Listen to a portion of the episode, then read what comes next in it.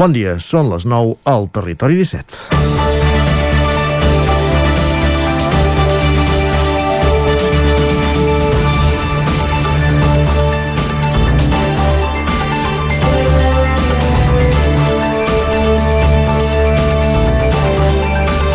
El Procicat ha aprovat que l'oci nocturn pugui tornar a ampliar l'horari a partir de la mitjanit de dimecres a dijous, a partir d'aquest dimecres, a partir de la nit d'aquest dimecres a dijous, però només els espais a l'exterior i fins a les 3 de la matinada. Els locals d'oci nocturn tindran mitja hora per desallotjar els espais a partir de les 3. La mascareta serà obligatòria quan no es consumeixi i no es permet el ball. La Generalitat informa que s'ha proposat un horitzó proper per poder obrir els espais interiors amb la possibilitat de fer servir el certificat Covid sempre que la situació epidemiològica ho permeti. Segons les patronals que es mostren decebudes amb la mesura perquè calculen que només el 5% dels establiments podran obrir amb aquestes condicions, la data per fer el següent salt seria el 15 d'octubre, quan també es permetria fer servir la pista de ball amb un aforament limitat. A ningú se li escapa que la mesura arriba just abans de les festes de la Mercè de Barcelona amb la intenció de reduir les botellades. Ara serà la manera de veure si són vasos comunicants. Durant l'any i mig que l'oci nocturn ha estat tancat, el sector ha intentat buscar alternatives, com la que posava en pràctica el passat cap de setmana a Vic, l'Era del Sot, que ofereix un, ara un espai gastronòmic de les 6 de la tarda a dos quarts d'una de la matinada i que no descarten que es consolidi definitivament en l'oferta de la sala. Engeguem el motor del territori 17 a la sintonia de Ràdio Cardedeu, Ona Codinenca, la veu de Sant Joan, Ràdio Vic, el 9 FM i el 9 TV. Territori 17, amb Isaac Moreno i Jordi Sunyer.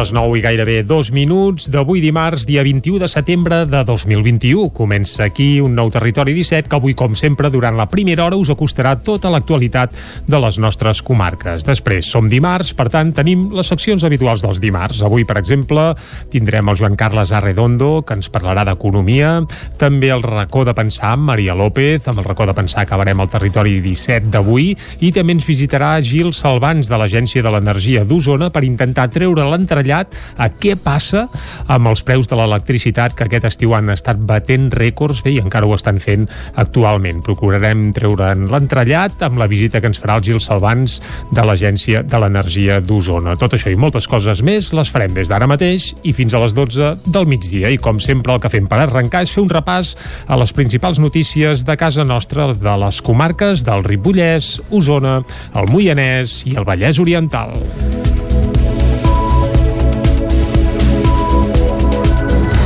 Des de diumenge, a primera hora de la tarda, és notícia l'erupció del volcà Cumbre Vieja, situat a l'illa de la Palma, de l'arxipèlag de les Canàries. L'esclat del volcà ha obligat a evacuar unes 5.000 persones. Ahir van parlar amb dues veïnes de Sant Pere de Torelló, que precisament estan de vacances a la Palma. A l'illa Canària hi ha Isabel Sánchez i Maria Rosa Candell, de Sant Pere de Torelló i de Torelló, respectivament, que van veure l'inici de l'erupció quan tornaven d'una excursió al paratge del Roque de los Muchachos. Les escoltem. L'excursió va anar molt bé, molt i ja quan baixàvem, doncs, bueno, la guia ja ens va anar explicant el tema del volcà, de com estava la situació, de que ja havien evacuat doncs, els veïns, i bueno, ja vam veure com sortia doncs, molt, molt fum i que la lava anava baixant. Molt forta, eh? Molt fort i molta pena, eh? Molt emocionant, sí. sí. sí, sí, sí. Perquè penses que veiem allà unes plantacions de plàtans, les cases i que aquella gent, doncs, esclar, pobrets, ho hem de deixar tot. tot sí. I encara que ara els recompensin fent una vivenda nova, la seva vida està destrossada. Ja eh? està, sí. Sánchez i Candell estan allotjades a uns 40 quilòmetres d'on està situat el volcà. I tot i que des de l'agència de viatges on van contractar les vacances els han ofert l'opció de tornar abans, han decidit quedar-s'hi fins dissabte, tal com tenien previst inicialment. Ahir mateix van visitar la ciutat de La Palma, que queda a l'altra banda de l'illa on hi ha el volcà. El cantó del volcà, està tot tancat, tancat, però a l'altra banda, doncs no. Nosaltres mateix ara estem visitant la ciutat de la Palma. La lava provocada per l'erupció del volcà de, té una altura mitjana de 6 metres. Ha emès entre 6.000 i 9.000 tones de diòxid de sofre i avança uns 700 metres per hora, arrasant al seu pas cases, cultius i tot tipus d'infraestructures. Fins al moment, l'erupció del volcà no ha provocat víctimes personals, però està deixant una situació desoladora a la zona. Dues classes de 40 alumnes confinats després de la primera setmana del curs escolar al Ripollès. Isaac Muntades, des de la veu de Sant Joan. La primera setmana del curs escolar 2021-2022 no es va escapar dels efectes de la pandèmia de la Covid-19 al Ripollès i ja hi ha un parell de grups escolars de la comarca que s'han hagut de confinar. En total hi ha 40 persones que han de fer quarantena. El poble més perjudicat és Camp de Bànol, que té una classe confinada a la llar d'infants al Barrufet amb dos alumnes positius i que ha obligat a quedar-se a casa 18 nens i un professor i l'escola Pirineu del mateix municipi que també té 18 alumnes i un mestre a casa en haver-se detectat tres casos positius de nens en els darrers 10 dies. Tant a l'Institut Abat Oliva de Ripoll com a l'Institut Escola de Ribes de Freser hi ha un alumne confinat per haver donat positiu. Les notícies són molt millors pel que fa a la situació de la pandèmia. El Ripollès ha passat de ser la segona comarca de Catalunya amb la velocitat de propagació del virus més alta a pintar-se de color verd, ja que l'RT de la setmana del 10 al 16 de setembre és de 0,80 punts, menys del doble que fa una setmana. El risc de rebrot també s'ha reduït dràsticament. Fa 7 dies estava a 410 punts i ara és de només 150. Això es deu al fet que només s'han detectat 18 casos positius en els darrers dies, la meitat que la setmana passada, i que la taxa de positivitat ha caigut fins al 3,7%. Pel que fa a la vacunació de persones que almenys han rebut una dosi del vaccí, segueix avançant lentament, però 3 de 4 ripollesos ja la porten. Aquest 75% de vacunats equivalen a 18.941 persones. El percentatge baixa fins al 72,6% de la gent que ha rebut la pauta completa, 18.355 persones. Ara ja és més fàcil trobar punts de vacunació a prop i, per exemple, aquest divendres es fa una nova jornada de vacunació sense cita prèvia a la Salut d'Algrells de Ripoll de 9 del matí a les 2 de la tarda i de les 3 a les 7 de la tarda que està oberta a majors de 12 anys. Aquest era festivitat de Roca Prevera a Torelló i un dels temes que més s'hi comentava era el robatori que va patir fa uns dies al mossèn. Un grup de joves li van tirar sobre sortint de missa i li van robar tot el que duia. L'incident va passar fa dos dissabtes i la víctima era Joan Sangles, el mossèn de Roca Prevera. Va ser just després de la missa de 8 que va oficiar ell a la parròquia de Sant Feliu, al centre del poble. Va tancar les portes del temple i va enfilar el camí cap al santuari, que és on viu. Només marxar de l'església ja va veure com un grup de 7 o 8 joves l'anava seguint i de cop se li van tirar sobre. Li van prendre la motxilla i tot el que portava a sobre, diners, targetes, documentació, telèfon mòbil i també les claus de les esglésies. Després un grup de joves joves que hi havia al santuari el van socórrer, van trucar a la policia i el van portar a curar-se. Sangles comenta que diumenge a la tarda va rebre una trucada de la policia en què li deien que algú havia trobat la motxilla i va poder recuperar el telèfon i les claus. El cas està denunciat, però per ara la policia local i els Mossos no saben qui són els autors dels fets.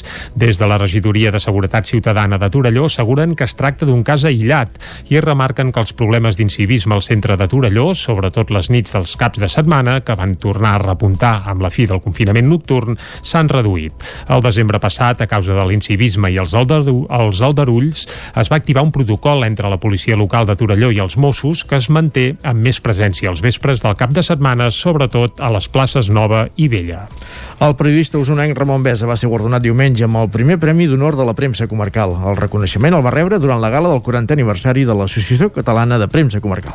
Una gala que es va fer diumenge al Gran Teatre del Liceu de Barcelona, presentada per l'actor Quim Mas Ferrer.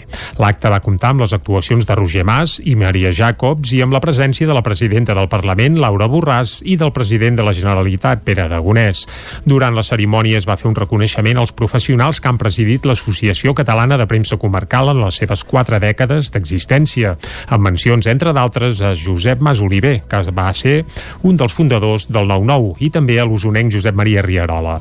L'actual president de l'associació, Francesc Fàbregas, va demanar al govern que no es retallin les subvencions que ens sap greu que amb les quantitats moltes vegades minces que reben moltes de les nostres publicacions més aviat petites l'any passat se'ls hagi retallat un 50% de la subvenció Ramon Besa, actualment cap d'esports del diari El País a Catalunya, va recordar els seus orígens professionals al 9-9. L'escoltem.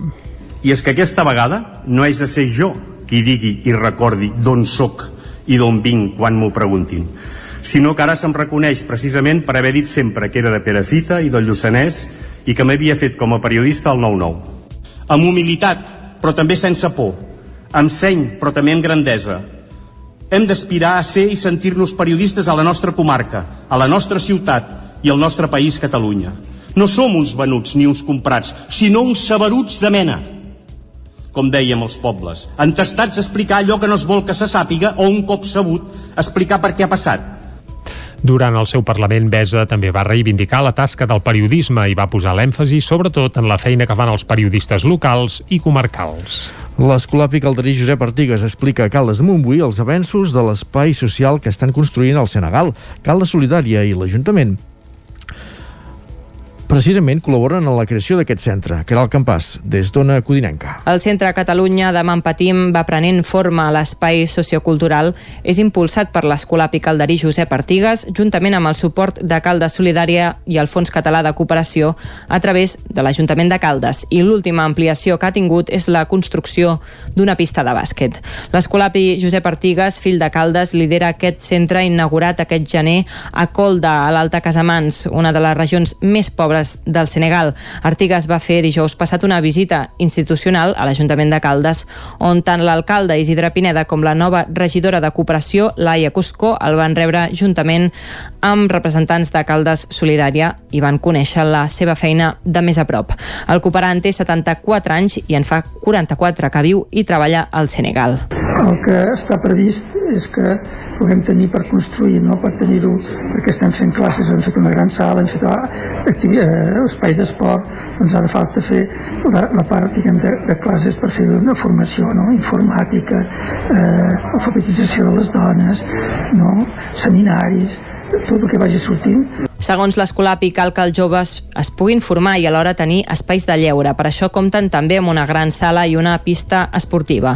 La seva intenció és promoure que els joves es quedin al país i transmetre l'esperit de millora a través d'aquest centre sociocultural. L'objectiu és, en definitiva, millorar el conjunt de la societat a través de la implicació del jovent. Cada any, l'Ajuntament de Caldes dona entre 30.000 i 40.000 euros al projecte. Més endavant, volen fer una escola agrícola seguint l'exemple de les altres dues que ja han tirat endavant des de la Fundació Escolàpia al Senegal.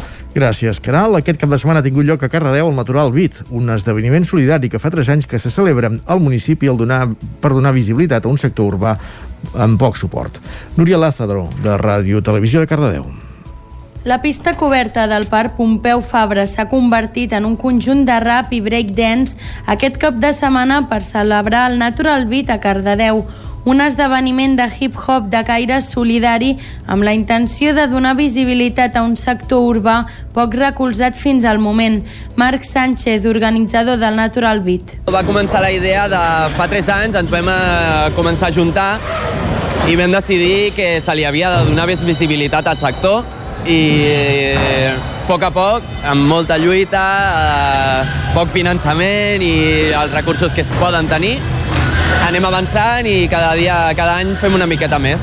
Durant dissabte i diumenge i malgrat la pluja, el Parc Pompeu Fabra ha gaudit de moltes activitats organitzades a diverses zones com ara skate, competició de ball o grafiti. Marc Sánchez. Eh, bueno, el que fem és juntar-nos molts col·lectius que tenim moltes ganes de realitzar un espai cadascú, repartim la feina uns s'encarreguen de fer la zona de l'skatepark, unes altres persones s'encarreguen de fer la zona de, de la competició de, de ball, altres, una altra col·lectiva s'encarrega d'organitzar tot el tema de grafiti. Aquest acte va néixer al març de 2019 amb la ONG colombiana Asobek Judesco. Anualment ha estat recaptant donacions tant econòmiques com alimentàries per poder enviar a Colòmbia. Esports. I a la plana esportiva, la pilot Laia Sanz engrandeix la seva llegenda aconseguint el 14è Mundial de Trial. La pilot resident a Ceba va recuperar dissabte a Portugal la corona del Mundial de Trial femení, en la qual no competia des de l'any 2013. Sanz va completar el recorregut de la que era l'última prova del Mundial amb només 6 punts de penalització, ja que hi arribava com a segona classificada, però depenia d'ella mateixa per endur-se el títol. L'escoltem. Ha sigut una passada poder acabar el Mundial així, Eh, no m'ho hagués pensat a principi d'any, fa 8 anys que no, que no corria trial, que no entrenava pràcticament i, i la veritat que ha sigut una passada, tot i que ha sigut un any molt dur perquè no estava bé físicament, he patit molt, a les curses fallava molt, sobretot a les segones voltes i, i al final contenta de que aquí hagi sigut un dia d'haver resistit bé. S'han suma un total de 19 mundials, 14 de trial i 5 d'enduro. En la mateixa prova, el pilot afincat a Centelles, Adam Raga, va acabar subcampió del món de trial per darrere de Toni Bou.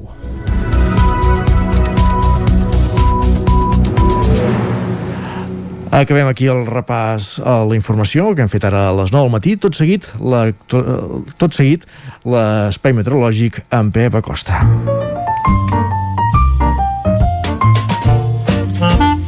Casa Terradellos us ofereix el temps. Doncs, Pep, molt bon dia.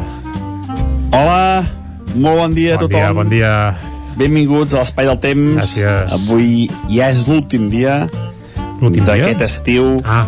2021. Últim dia sencer les 24 hores d'aquest estiu 2021, eh? Ha passat uh, Ràpid. forta pressa, han passat moltes coses, els estius ja no són com abans, que no passava mai, mai res. Uh, un estiu bueno, bueno, haurà bueno. passat de tot. Que no passa doncs res, ja està, eh? Ja el tenim gairebé finiquitat. I és que avui les temperatures són ja de tardor avançada, eh? És veritat. El- Les temperatures mínimes han baixat per sota dels 15 graus, jo diria gairebé a totes les poblacions, inclús ja per sota dels 10 graus, en llocs com Mollà, a Sant Pau de Segúries, cap a Sant Joan de les Abadeses, tots aquests valors ja per sota de 10 graus, temperatures, com deia, de tardor molt avançada, i alta muntanya 0 graus avui de Ter, vull dir, ja comença a notar-se la tardor a totes les zones. I és que tenim una petita entrada d'aire fred que és la responsable d'aquesta baixada de temperatures. I és la responsable de les tempestes d'ahir, que van deixar com a valors màxims de precipitació 23 litres a Granollers o 23 també a Sant Joan dels Abadeses. Uh, dues tempestes fortes, una cap al nord de les nostres comarques i una cap al sud, a l'extrem sud, cap al, a la zona de, del Vallès. Uh, van deixar aquests valors com a més destacables tot i que va ploure bastants llocs, bastants llocs va ploure, la majoria de valors entre els 5 i els 10 litres. Uh, una bona regada a moltes zones, molt bona notícia. I tant. I el dia d'avui hi haurà uh, molts núvols però poca precipitació. Uh, esperem que no, no sigui un dia passat per aigua ni molt menys, això sí, eh? Veurem poc el sol, uh, hi ha una pertorbació que s'ha format entre el País Valencià i les Balears que ens afecta de manera indirecta, no està pujant de l'altitud i per tant no ens afectarà molt, però sí que ens aporta aquests núvols i com deia poca precipitació. Uh, les temperatures molt semblants a les d'ahir, potser una mica més baixes, la majoria de valors entre els 18 i els 22 graus les màximes, eh? ja veu també que són temperatures ja molt pròpies de la tardor més avançada i no pas de finals d'estiu, poder una mica més baixes del que són normals per l'època de l'any.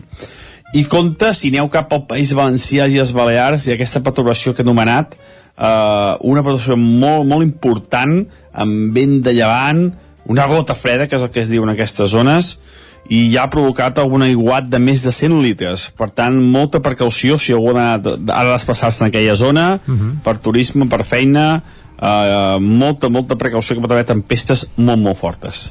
Fins aquí l'espai del temps. Moltes gràcies. Demà, primer dia de tardor, ja direm el temps que, que farà, que no es, ja dic jo que no es preveuen gaires canvis. Serà una setmana molt moguda, però vaja. està canviant el tema i no, no serà tan moguda com ens pensàvem. Moltes gràcies. Adéu.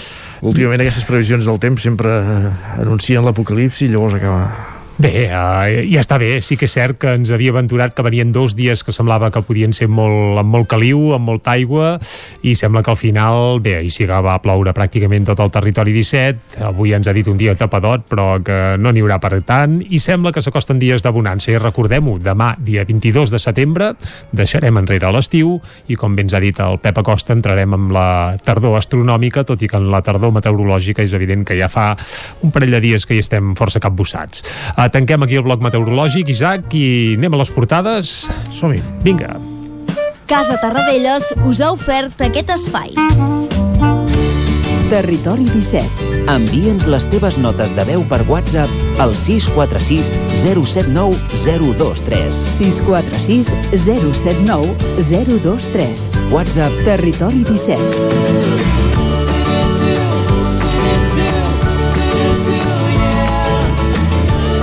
Territori 17. Som a Facebook, Twitter i Instagram amb l'usuari Territori 17.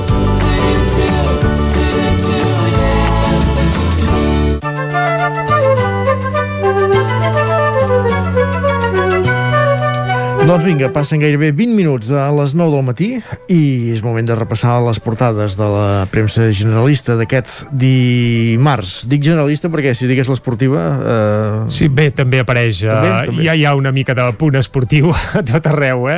Comencem pel punt avui, com, com fem sovint, i el punt avui titula L'embolic elèctric. Està bé perquè deuen saber que avui ens visita, o sabien que ens visita el Gil Salvans per intentar aclarir una mica què passa amb la factura elèctrica. El punt avui ho saben tots, sempre. Sí, sí, sí, sí, i ja ens estan fent una mica de, bé, de propaganda, diguem-ne. Doncs l'embolic elèctric, i subtitulen que creix la incomprensió dels consumidors en relació amb el preu de la llum i eh, intenten explicar quines són les claus per entendre-ho tot plegat i a més a més hi avancen que la factura es complicarà encara més. Per tant, sembla que hi han d'haver canvis i que la cosa, si ara ja no l'entén ningú, després ja ni els Gil Salvans potser l'acabaran tenent, però vaja, això a la part final del territori 17, com que ens visitarà, intentarem eh, posar llum a la foscor, que dirien la gent de crims. Evidentment també apareix el volcà de la Palma a la portada del Punt Avui amb una foto espectacular on pràcticament engoleix una casa i diuen la lava imparable a la Palma i el que deies, la Punt Esportiu també hi és eh? Uh, el Barça no dona per més 1 a 1 Doncs i encara... M'ha fet gràcia les portades del Mundo i l'Esport, que diu Ero era Araujo a l'Esport o Salvador Araujo al Mundo. Dius, home, va salvar un punt contra el Granada, que l'Agustí Danés va, ahir a la tertúlia va dir eh, que perdre contra la Granada, Granada és un incident que passa cada 70 anys. Eh, doncs mira, perdre Bé, no però perdre empatar. no, però empatar, exacte. Doncs, guaita, i, Pels encara, pèls. I encara, exacte, i encara pels pèls, pels pèls, i fent la tàctica Alex Sanko, eh? aquella, aquell invent que es va inventar el Cruyff, que quan un partit era al minut 80, 90 i, i s'havia de rascar alguna cosa, au, tots els centrals a fer de davanters centres i així va acabar el Barça ahir. Això també s'ho va inventar Cruyff, mare de Déu. Sí, sí, eh, és, és d'aquella època, per això el Koeman com a bon holandès i seguidor de, de les seves, dels dictats de, del mestre. Bé, tant és, de, deixem el tema esportiu, ja tornarà a aparèixer per Sí. això, eh? Un darrer punt del punt avui és que també expliquen que el rei emèrit sabia que era investigat per Hisenda quan va regularitzar doncs, aquells milionets que, que Uau, tenia sorpresa. Magadet. Sí, una gran sorpresa. Anem per l'ara? Va, anem per l'ara. L'ara, erupció a la Palma. La lava engoleix un centenar de cases. Uh, amb una foto també espectacular on es veuen un parell de cases i a darrere una espectacular llengua de foc, lava i no sé quantes coses més, que la veritat és que eh, fa mitja por, eh?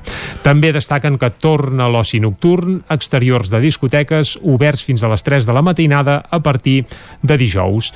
També hi ha un raconet per parlar del Barça, però bé, no cal pas que hi entrem amb gaire detall perquè ja, periòdico, ja, sabem el, ja sabem el que hi ha.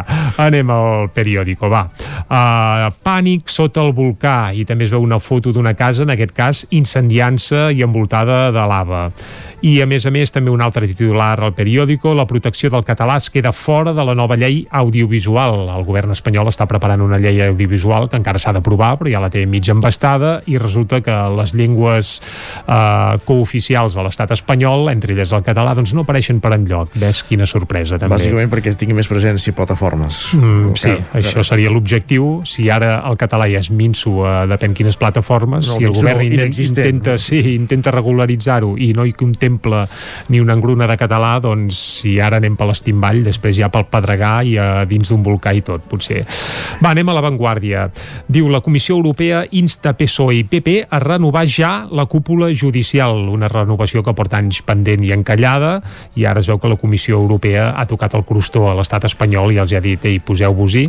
Aquest és el principal titular de l'avantguàrdia. La foto, per això, no és per, per aquest eh, toc d'alerta de la Comissió Europea, sinó que evidentment també la, protagonista, la protagonitza aquest volcà que ha esclatat a la Palma, on diuen la lava del volcà de la Palma arrasa centenars de cases en el seu camí cap al mar. Sembla que podria arribar al mar aquest matí mateix, la lava, eh? això és el que, el que pronosticaven els que hi entenen. També alarma policial per la deriva violenta dels botellots a Catalunya. Això també ho trobem a la portada de l'avantguàrdia, on hi ha una foto també de l'Araujo, l'amic teu que va fer el gol ahir de, de l'1 a 1. Pensava, pensava que volies dir el de jockey de Vilaseca. No, encara no. Ah, també en tenim un, és veritat. Araujo salva un punt a un Barça sense nord. Bé, això és el que titula La Vanguardia. I si et sembla, ara anem cap als Sí, mitjans que portades s'editen des a de l'estat espanyol, des de Madrid. Comencem pel país. La lava arrasa tot el que troba al seu pas i eleva el risc de gasos tòxics.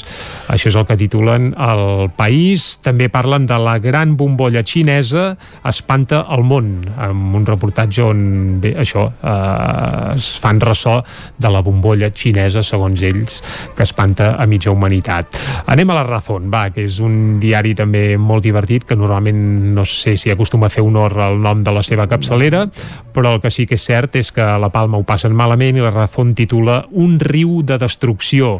I es veu una gran foto, Sí, de evidentment amb un riu que no seria pas d'aigua, sinó de lava que engoleix, doncs, tres o quatre cases eh, i la veritat és que fa, fa mitja por també i de la Razón anem cap a l'ABC eh, on també titulen a pàgina sencera amb una foto també espectacular d'un bomber que es mira la lava així impotent i es veu precisament com engoleix una casa i allò entre cometes titulen és devastador, incontrolable només puc asseure'm i resar. Aquest és el títol de l'ABC. És a dir, per parar un volcà o per d'allò, el millor és seure i resar. Això és I això, la qui- recepta... Això entenem que ho diu algun veí? O... Bé, eh, ho posa sí. entre cometes i la veritat és que no acaba de quedar clar qui ho diu, eh? És a dir, ho posen entre cometes i el subtítol diu que habitatges i carreteres arrasats per les llengües de lava i els veïns, eh, bé, núvols de diòxid de sofre cobreixen l'illa de la Palma i el volcà no afluixa. Bueno. No diuen qui ho diu, però bé, es pot interpretar... Entenem que sí que han recollit algun Potser- testimoni. Pot ser, pot ser. El que passa que l'ABC amb aquests temes no són gaire curosos, eh, a vegades. I això sí, hi ha un, un subtítol a sota que diu Brussel·les insisteix, els jutges han d'elegir els seus vocals. Aquell titular que trobàvem a l'avantguàrdia, doncs sembla que l'ABC també toquen una mica el crostó al govern Sánchez, que no és pas sant de la seva devoció. No, va ser és un problema ja de, de governs anteriors, em sembla, això de, Sí, també. de la també. renovació de la cúpula. Oh, I tant, i tant. És en un tema enquistat que ja l'estat espanyol porta anys allí, bé, amb el més calent a l'aigüera. Ara ho has dit. Molt bé. Doncs bé, arribem a dos quarts de deu, falten tres minuts, farem una petita pausa i després tornem a més actualitat de les comarques del territori 17. Fins ara.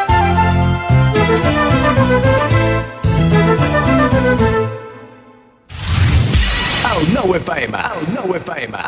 Rètols 2A. Experts en comunicació visual.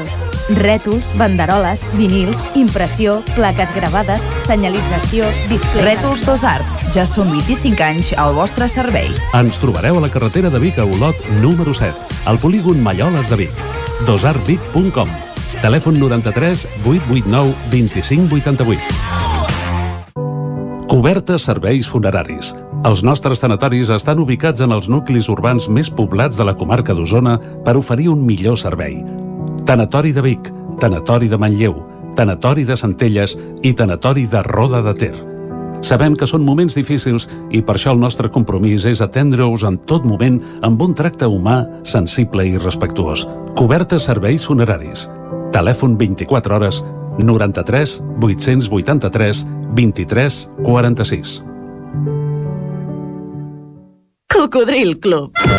Si t'agrada la bona música dels anys 60, 70 i 80, escolta el 9 FM els matins de dissabtes i diumenges d'11 a 1. És el temps del Cocodril Club, tot un clàssic de la ràdio, amb les bases del pop-rock, les llegendes, les cançons que s'han convertit en autèntics himnes. Recorda, dissabtes i diumenges al matí, d'11 a 1, al 9 FM 92.8. Cocodril Club, el programa revival de l'Albert Malla. Hasta luego. Anuncia't al 9FM. La màquina de casa. 9 3 8 8 9 4 9 4 9 Publicitat arroba al 9FM.cat. Anuncia't al 9FM. La publicitat més eficaç. Això és el que s'escolta al voltant d'una caldera saunia d'Oval. Tranquilitat i benestar, perquè gaudeix del millor manteniment del servei tècnic oficial per estar despreocupat. O el que vulgui. Informis a Oficiat Nord trucant al 938860040. Saunia d'Oval, sempre al seu costat. OBS, la marca de moda líder a Itàlia, arriba a Vic amb la col·lecció per nens fins a 15 anys. Vesteix els petits amb roba OBS, peces fabricades amb cotó orgànic pensades especialment per la pell dels infants. El cotó orgànic d'OBS està cultivat sense pesticides i amb un impacte reduït en el medi ambient. OBS, des d'Itàlia per tu, al carrer Argenters 20 de Vic. Arriba la Welders Battle, el primer concurs de soldadura que impulsa Cefosol, el Centre de Formació de Soldadura. Anima't a participar-hi a títol personal o representant la teva empresa o institució. Premis pels guanyadors, obsequis per als participants i moltes sorpreses més. Us esperem el 30 de setembre a Cefosol i col·laboren empreses locals, nacionals i internacionals i l'Ajuntament de Gurb. Apunta't enviant un correu a info arroba. També pots venir de públic. Més informació al nostre canal de YouTube. Cefosol, carrer Sant Roc número 21 de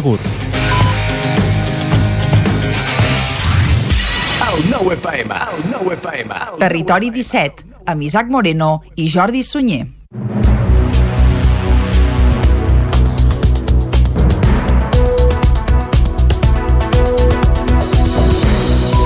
Són dos quarts de deu en punt d'avui, dimarts, dia 21 de setembre de 2021. Seguim en directe aquí a Territori 17 i de seguida us acostarem de nou tota l'actualitat de les nostres comarques. Després, a partir de les 10, més informació.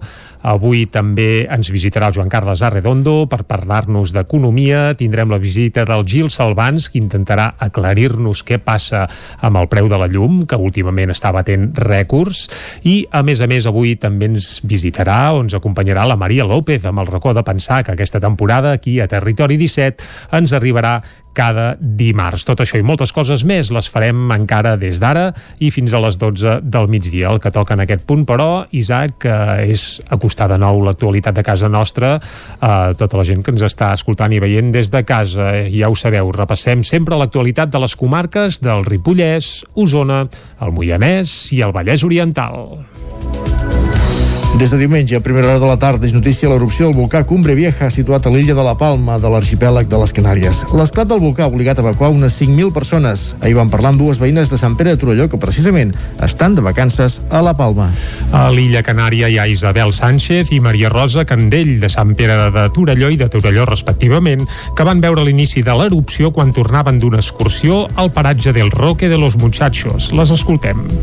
L'excursió va anar molt bé, molt. I ja quan baixàvem, doncs, bueno, la guia ja ens va anar explicant el tema del volcà, de com estava la situació, de que ja havien evacuat doncs, els veïns, i bueno, ja vam veure com sortia doncs, molt, molt fum i que la lava anava baixant.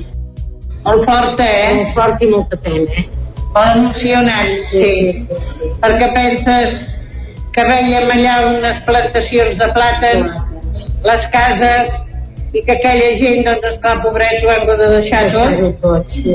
I encara que ara els recompensin fent una vivenda nova, la seva vida està destrossada. Ja eh? està, sí. Sánchez i Candell estan allotjades a uns 40 quilòmetres d'on està situat el volcà.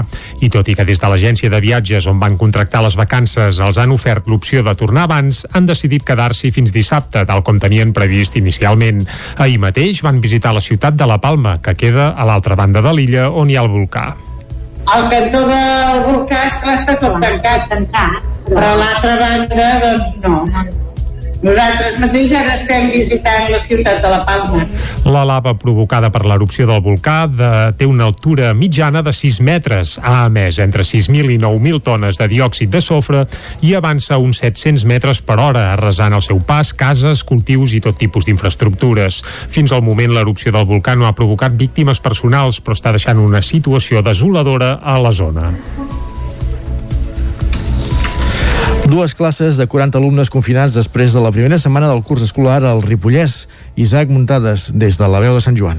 La primera setmana del curs escolar 2021-2022 no es va escapar dels efectes de la pandèmia de la Covid-19 al Ripollès i ja hi ha un parell de grups escolars de la comarca que s'han hagut de confinar. En total hi ha 40 persones que han de fer quarantena. El poble més perjudicat és Camp de Bànol, que té una classe confinada a la llar d'infants al Barrufet amb dos alumnes positius i que ha obligat a quedar-se a casa 18 nens i un professor i l'escola Pirineu del mateix municipi que també té 18 alumnes i un mestre mestre a casa en haver-se detectat tres casos positius de nens en els darrers 10 dies. Tant a l'Institut Abat Oliva de Ripoll com a l'Institut Escola de Ribes de Freser hi ha un alumne confinat per haver donat positiu. Les notícies són molt millors pel que fa a la situació de la pandèmia. El Ripollès ha passat de ser la segona comarca de Catalunya amb la velocitat de propagació del virus més alta a pintar-se de color verd, ja que l'RT de la setmana del 10 al 16 de setembre és de 0,80 punts, menys del doble que fa una setmana. El risc de rebrot també s'ha reduït dràsticament. Fa 7 dies estava a 410 punts i ara és de només 150. Això es deu al fet que només s'han detectat 18 casos positius en els darrers dies, la meitat que la setmana passada, i que la taxa de positivitat ha caigut fins al 3,7%. Pel que fa a la vacunació de persones que almenys han rebut una dosi del vaccí, segueix avançant lentament, però 3 de 4 ripollesos ja la porten. Aquest 75% de vacunats equivalen a 18.941 persones. El percentatge baixa fins al 72,6% de la gent que ha rebut la pauta completa, 18.355 persones. Ara ja és més fàcil trobar punts de vacunació a prop i, per exemple, aquest divendres es fa una nova jornada de vacunació sense cita prèvia a la sala d'Algrells de Ripoll de 9 del matí a les 2 de la tarda i de les 3 a les 7 de la tarda que està oberta a majors de 12 anys.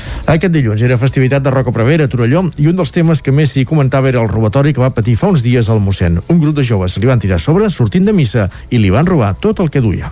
L'incident va passar fa dos dissabtes i la víctima era Joan Sangles, el mossèn de Roca Prevera. Va ser just després de la missa de 8 que va oficiar ell a la parròquia de Sant Feliu, al centre del poble. Va tancar les portes del temple i va enfilar el camí cap al santuari, que és on viu. Només marxar de l'església ja va veure com un grup de 7 o 8 joves l'anava seguint i de cop se li van tirar a sobre. Li van prendre la motxilla i tot el que portava a sobre, diners, targetes, documentació, telèfon mòbil i també les claus de les esglésies. Després un grup de joves que hi havia al santuari el van socórrer, van trucar a la policia i el van portar a curar-se. Sangles comenta que diumenge a la tarda va rebre una trucada de la policia en què li deien que algú havia trobat la motxilla i va poder recuperar el telèfon i les claus. El cas està denunciat, però per ara la policia local i els Mossos no saben qui són els autors dels fets. Des de la regidoria de Seguretat Ciutadana de Torelló asseguren que es tracta d'un cas aïllat i remarquen que els problemes d'incivisme al centre de Torelló, sobretot les nits dels caps de setmana, que van tornar a repuntar amb la fi del confinament nocturn, s'han reduït. El desembre passat, a causa de l'incivisme i els, aldaru els aldarulls, es va activar un protocol entre la policia local de Torelló i els Mossos que es manté amb més presència als vespres del cap de setmana, sobretot a les places Nova i Vella. El periodista usonenc Ramon Besa va ser guardonat diumenge amb el primer Premi d'Honor de la Premsa Comarcal. El reconeixement el va rebre durant la gala del 40 aniversari de l'Associació Catalana de Premsa Comarcal. Una gala que es va fer diumenge al Gran Teatre del Liceu de Barcelona, presentada per l'actor Quim Masferrer. L'acte va comptar amb les actuacions de Roger Mas i Maria Jacobs i amb la presència de la presidenta del Parlament, Laura Borràs, i del president de la Generalitat, Pere Aragonès. Durant la cerimònia es va fer un reconeixement als professionals que han presidit l'Associació Catalana de Premsa Comarcal en les seves quatre dècades d'existència, amb mencions, entre d'altres, a Josep Mas Oliver, que va ser un dels fundadors del 9-9, i també a l'usonenc Josep Maria Rierola.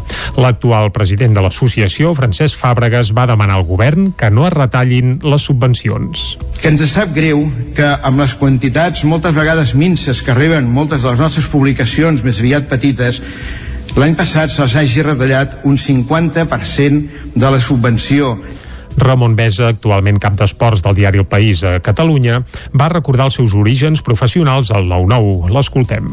I és que aquesta vegada no és de ser jo qui digui i recordi d'on sóc i d'on vinc quan m'ho preguntin, sinó que ara se'm reconeix precisament per haver dit sempre que era de Perafita i del Lluçanès i que m'havia fet com a periodista al 9-9. Amb humilitat, però també sense por, amb seny, però també amb grandesa, hem d'aspirar a ser i sentir-nos periodistes a la nostra comarca, a la nostra ciutat i al nostre país Catalunya. No som uns venuts ni uns comprats, sinó uns saberuts de mena. Com dèiem els pobles, entestats a explicar allò que no es vol que se sàpiga o un cop sabut, explicar per què ha passat, durant el seu Parlament, Besa també va reivindicar la tasca del periodisme i va posar l'èmfasi sobretot en la feina que fan els periodistes locals i comarcals. L'escolàpic calderí Josep Artigas explica a Caldes de Montbui els avenços de l'espai social que estan construint al Senegal, Caldes Solidària i l'Ajuntament precisament col·laboren en la creació d'aquest centre, que era el Campàs, des d'Ona Codinenca. El Centre Catalunya de Patim va prenent forma a l'espai sociocultural. És impulsat per l'Escolàpic Calderí Josep Artigas, juntament amb el suport de Caldes Solidària i el Fons Català de Cooperació a través de l'Ajuntament de Caldes. I l'última ampliació que ha tingut és la construcció d'una pista de bàsquet. L'Escolapi Josep Artigas, fill de Caldes, lidera aquest centre inaugurat aquest gener a Colda, a l'Alta Casamans, una de les regions més pobres del Senegal. Artigas va fer dijous passat una visita institucional a l'Ajuntament de Caldes, on tant l'alcalde Isidre Pineda com la nova regidora de cooperació, Laia Cuscó, el van rebre juntament amb representants de Caldes Solidària i van conèixer la seva feina de més a prop. El cooperant té 74 anys i en fa 44 que viu i treballa al Senegal. El que està previst és que puguem tenir per construir, no? per tenir-ho, perquè estem fent classes, hem fet una gran sala, hem fet eh, espai d'esport, doncs ara falta fer la, la part diguem, de, de classes per fer una formació no? informàtica, eh, alfabetització de les dones, no?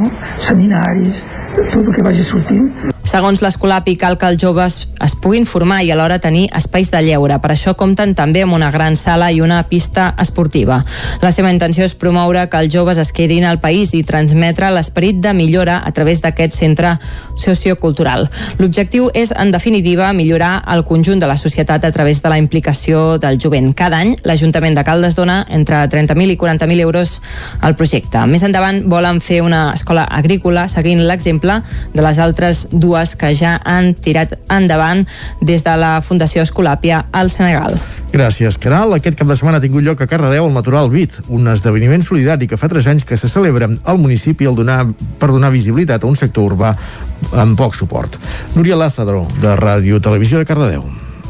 La pista coberta del Parc Pompeu Fabra s'ha convertit en un conjunt de rap i breakdance aquest cap de setmana per celebrar el Natural Beat a Cardedeu, un esdeveniment de hip-hop de caire solidari amb la intenció de donar visibilitat a un sector urbà poc recolzat fins al moment.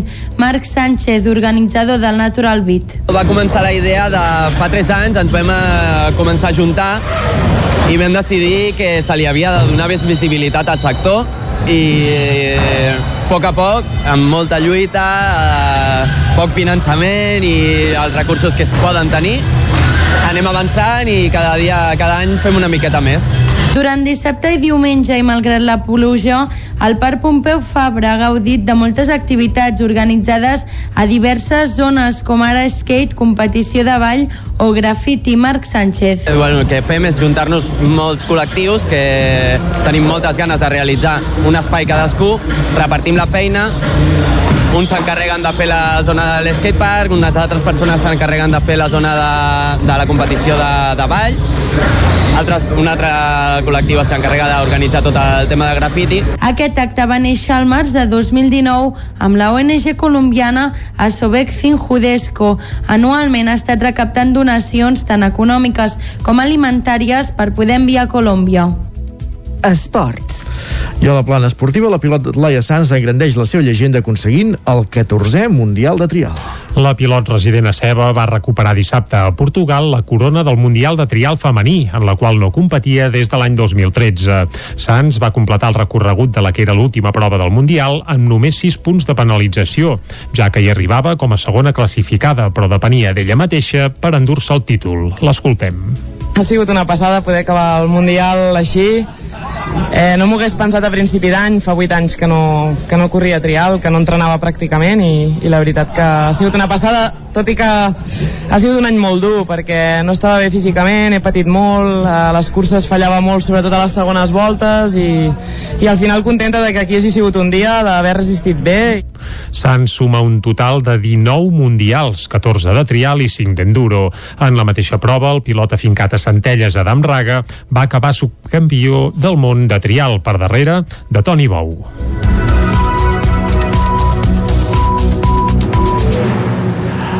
Acabem aquí el repàs a la informació que hem fet ara a les 9 del matí. Tot seguit, la, tot, tot seguit l'espai meteorològic amb Pep Acosta.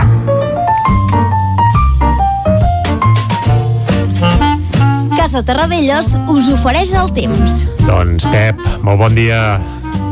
Hola, molt bon dia bon a tothom. Dia, bon dia. benvinguts a l'Espai del Temps. Gràcies. Avui ja és l'últim dia d'aquest estiu ah. 2021. Últim dia sencer les 24 hores d'aquest estiu 2021, eh? Ha passat uh, força pressa, han passat moltes coses, els estius ja no són com abans, que no passava mai, mai res. Uh, un estiu bueno, bueno, haurà bueno. passat de tot que no passa doncs res, ja està, eh? ja el tenim gairebé finiquitat i és que avui les temperatures són ja de tardor avançada eh? És veritat. Les temperatures mínimes han baixat per sota dels 15 graus jo diria gairebé totes les poblacions inclús ja per sota dels 10 graus en llocs com Mollà eh, a Sant Pau de Segúries cap a Sant Joan de les Abadeses tots aquests valors ja per sota dels 10 graus temperatures com deia de tardor molt avançada i alta muntanya 0 graus a de Ter vull dir, ja comença a notar-se la tardor a totes les zones. I és que tenim una petita entrada d'aire fred que és la responsable d'aquesta baixada de temperatures. I és la responsable de les tempestes d'ahir que van deixar com a valors màxims de precipitació 23 litres a Granollers o 23 també a Sant Joan dels Abadeses uh, dues tempestes fortes una cap al nord de les nostres comarques i una cap al sud, a l'extrem sud cap al, a la zona de, del Vallès uh, van deixar aquests valors com a més destacables tot i que va ploure bastants llocs, bastants va ploure, la majoria de valors entre els 5 i els 10 litres. Uh, una bona regada a moltes zones, molt bona notícia. I, tant. I el dia d'avui mm -hmm. hi haurà uh, molts núvols però poca precipitació. Uh, esperem que no, no sigui un dia passat per aigua ni molt menys, això sí, eh? Veurem poc el sol, uh, hi ha una pertorbació que s'ha format entre el País Valencià i les Balears que ens afecta de manera indirecta no està pujant de l'altitud i per tant no ens afectarà molt però sí que ens aporta aquests núvols i com deia poca precipitació uh, les temperatures molt semblants a les d'ahir potser una mica més baixes la majoria de valors entre els 18 i els 22 graus les màximes eh? ja veu també que són temperatures ja molt pròpies de la tardor més avançada i no pas de finals d'estiu, poder una mica més baixes del que són normals per l'època de l'any. I compte, si aneu cap al País Valencià i les Balears, i aquesta perturbació que he anomenat, eh, una perturbació molt, molt important, amb vent de llevant, una gota freda, que és el que es diu en aquestes zones, i ja ha provocat algun aiguat de més de 100 litres. Per tant, molta precaució si algú ha de, ha de desplaçar-se en aquella zona, uh -huh. per turisme, per feina, Uh, molta, molta precaució que pot haver tempestes molt, molt fortes. Fins aquí l'espai del temps. Moltes gràcies. Demà, primer dia de tardor, ja direm el temps que, que farà, que no es, ja dic jo que no es preveuen gaires canvis. Serà una setmana molt moguda, però està canviant el tema i no, no serà tan moguda com ens pensàvem. Moltes gràcies. Adeu. Últimament aquestes previsions del temps sempre eh, anuncien l'apocalipsi i llavors acaba... Bé, uh, ja està bé. Sí que és cert que ens havia aventurat que venien dos dies que semblava que podien ser molt, amb molt caliu, amb molta aigua, i sembla que al final, bé, ahir sí va ploure pràcticament tot el territori 17, avui ens ha dit un dia tapadot, però que no n'hi haurà per tant, i sembla que s'acosten dies de bonança, i recordem-ho, demà, dia 22 de setembre, deixarem enrere l'estiu, i com bé ens ha dit el Pep Acosta, entrarem amb la tardor astronòmica, tot i que en la tardor meteorològica és evident que ja fa un parell de dies que hi estem força capbussats. Uh, tanquem aquí el bloc meteorològic, Isaac, i anem a les portades. Som-hi. Vinga. Casa Tarradellas us ha ofert aquest espai. Territori 17. Envia'ns les teves notes de veu per WhatsApp al 646 079 023. 646 079 023. WhatsApp Territori 17.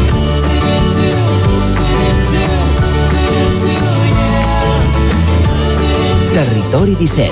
Som a Facebook, Twitter i Instagram amb l'usuari Territori 17.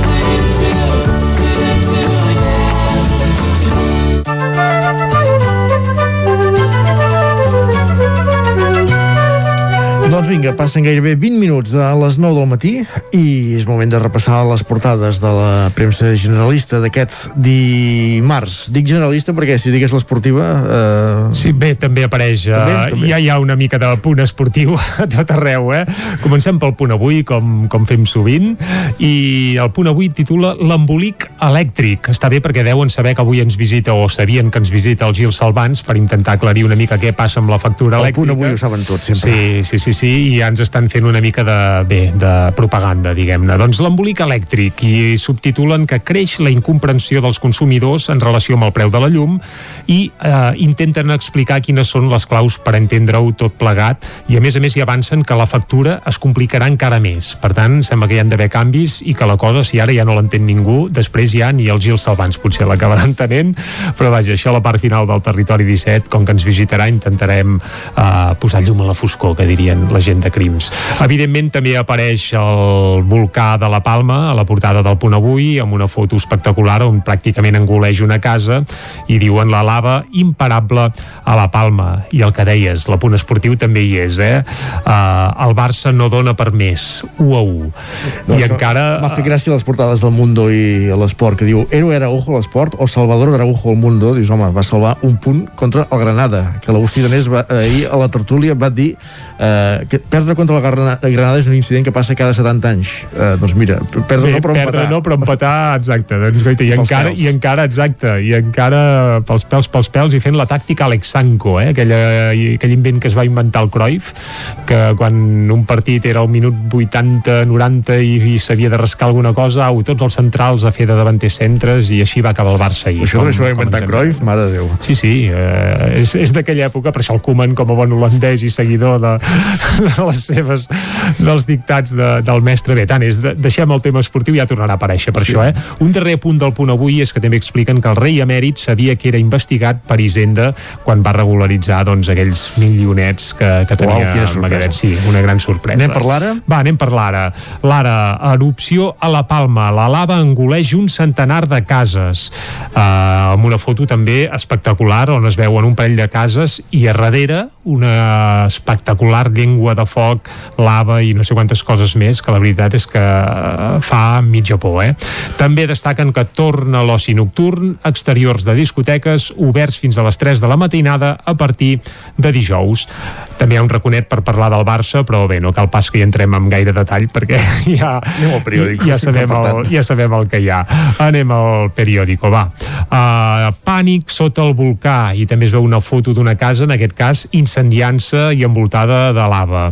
I a més a més també un altre titular al periòdico, la protecció del català es queda fora de la nova llei audiovisual. El govern espanyol està preparant una llei audiovisual que encara s'ha d'aprovar, però ja la té mig embastada i resulta que les llengües eh, cooficials de l'estat espanyol, entre elles el català, doncs no apareixen per enlloc. Ves quina sorpresa, també. Bàsicament perquè tingui més presència plataformes. Mm, sí, que, això seria l'objectiu. Si ara el català ja és minso a depèn quines plataformes, no, si el govern intenta, sí, intenta regularitzar-ho i no hi contempla ni una engruna de català, doncs si ara anem per l'estimball, després ja pel Pedregà i a dins d'un volcà i tot, potser. Va, anem a l'avantguàrdia. Diu la Comissió Europea insta PSOE i PP a renovar ja la cúpula judicial, una renovació que porta anys pendent i encallada, i ara es veu que la Comissió Europea ha tocat el crostó a l'estat espanyol i els ha dit, ei, poseu-vos-hi. Aquest és el principal titular de l'avantguàrdia. La foto, per això, no és per, per aquest eh, toc d'alerta de la Comissió Europea, sinó que evidentment també la, protagonista, la protagonitza aquest volcà que ha esclatat a la Palma, on diuen la lava del volcà de la Palma arrasa centenars de cases en el seu camí cap al mar. Sembla que podria arribar al mar aquest matí mateix, la lava, eh? això és el que, el que pronosticaven els que hi entenen. També alarma policial per la deriva violenta dels botellots a Catalunya. Això també ho trobem a la portada de La Vanguardia, on hi ha una foto també de l'Araujo, l'amic teu que va fer el gol ahir de, de l'1 a 1. Pensava que volies dir el de jockey de Vilaseca. No, encara no. Ah, també en tenim un, és veritat. Araujo salva un punt a un Barça sense nord. Bé, això és el que titula La Vanguardia. I si et sembla, ara anem cap als Sí, mitjans que s'editen des de l'estat espanyol, des de Madrid. Comencem pel país. La lava arrasa tot el que troba al seu pas i eleva el risc de gasos tòxics. Això és el que titulen el país. També parlen de la gran bombolla xinesa espanta el món, amb un reportatge on, bé, això, eh, es fan ressò de la bombolla xinesa, segons ells, que espanta a mitja humanitat. Anem a la Razón, va, que és un diari també molt divertit, que normalment no sé si acostuma a fer honor al nom de la seva capçalera, però el que sí que és cert és que a la Palma ho passen malament i la Razón titula Un riu de destrucció. I es veu una gran foto, Sí, de evidentment amb un riu que no seria pas d'aigua, sinó de lava que engoleix, doncs, tres o quatre cases eh, i la veritat és que fa, fa mitja por també. I de la Razón anem cap a l'ABC eh, on també titulen a pàgina sencera amb una foto també espectacular d'un bomber que es mira la lava així impotent i es veu precisament com engoleix una casa i allò entre cometes titulen és devastador, incontrolable només puc asseure'm i resar. Aquest és el títol de l'ABC. És a dir, per parar un volcà o per d'allò, el millor és seure i resar. Això és I I la qui- recepta... Això entenem que ho diu algun veí? O...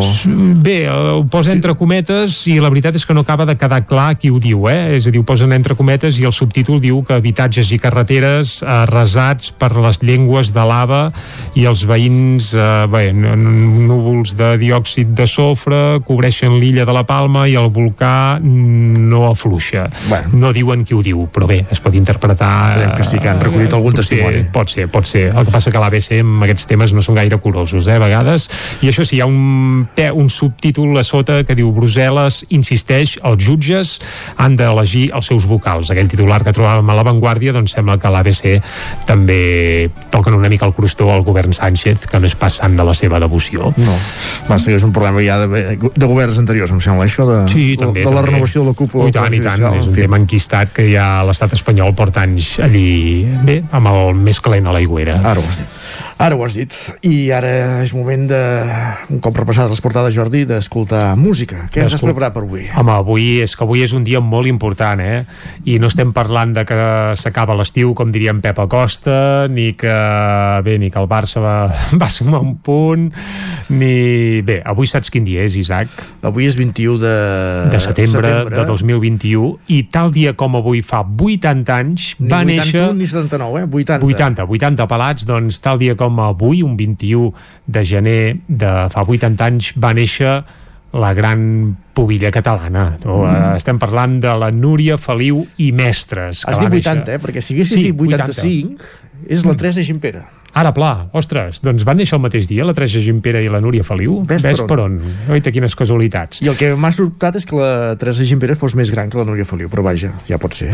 Home, uh, bé, és que la Núria Feliu és, és molt jove, eh? eternament jove, fa poc encara, encara s'atrevia a cantar alguna cosa. Ara, últimament, fa 7-8 mesos que va patir un petit sotrac de salut i no estaria passant pel seu millor moment, però vaja, avui és el seu aniversari i és per això que l'hem volgut recuperar, recordar. És que, clar, molta gent té la imatge de la Núria Feliu, convergent, tieta, etc, però és que aquesta pubilla, als anys 60, quan ningú cantava en català, ella adaptava els estàndards de jazz que triomfaven als Estats Units i els feia en català i amb aquella alegria, amb formacions d'autèntic luxe i músics fins i tot nord-americans. Havien registrat uns quants discos i la veritat és que eren un tro. I ja més cap als anys 70 també es va especialitzar en els couplets. Els couplets eren aquella espècie de cançons tradicionals catalanes adaptades per orquestra o coble i això és el que escoltarem avui, eh? perquè potser és una de les facetes en les quals va tenir més ressò perquè clar, cal dir que aquest perfil de cançons doncs eren molt populars, es va fer un far de trepitjar festes majors arreu dels països catalans precisament amb aquest repertori i això és el que li va donar segurament més notorietat i també més fama. I avui, eh, exacte, per felicitar-la, doncs això, 80 anys de Núria Feliu i escoltarem La Marieta de l'Ull Viu, un clàssic que, su que surt als nostres coplets, un disc que es va editar l'any 1974, també fa, fa uns quants anys ja, eh? Algun dia. Una de les peces que hi ha allà és la Marieta de l'Ull Viu i amb això arribarem fins a les 10 aquí a Territori 17 fent una abraçada, enviant una abraçada gegantina a la Núria també, va. Per molts anys. que retreu picardia i amb el matí soldat si no hi hagués anat jo encara tornaria a anar a la font del gat. Solia ser les festes el meu divertiment, anar a beure aigua fresca com feia molta gent. La font del gat doncs era gran lloc d'esvergiment, on el soldat jo veia si era o no valent. Perquè un dia ens van veure que ens fèiem un petó, alguna mala llengua va treure'ns la cançó.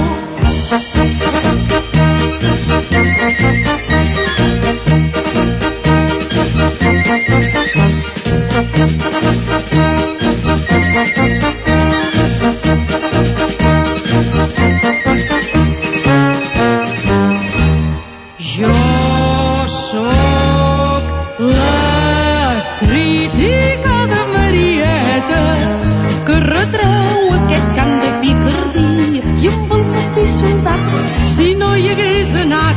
jo encara tornaria a anar a la font del gat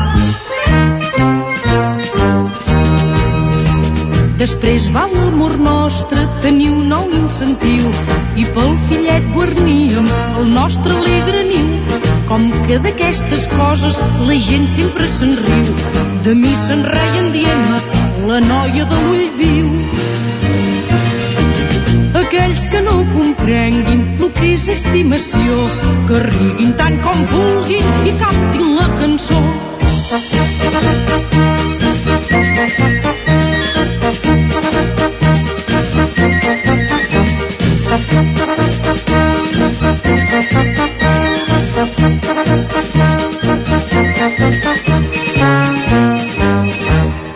Jo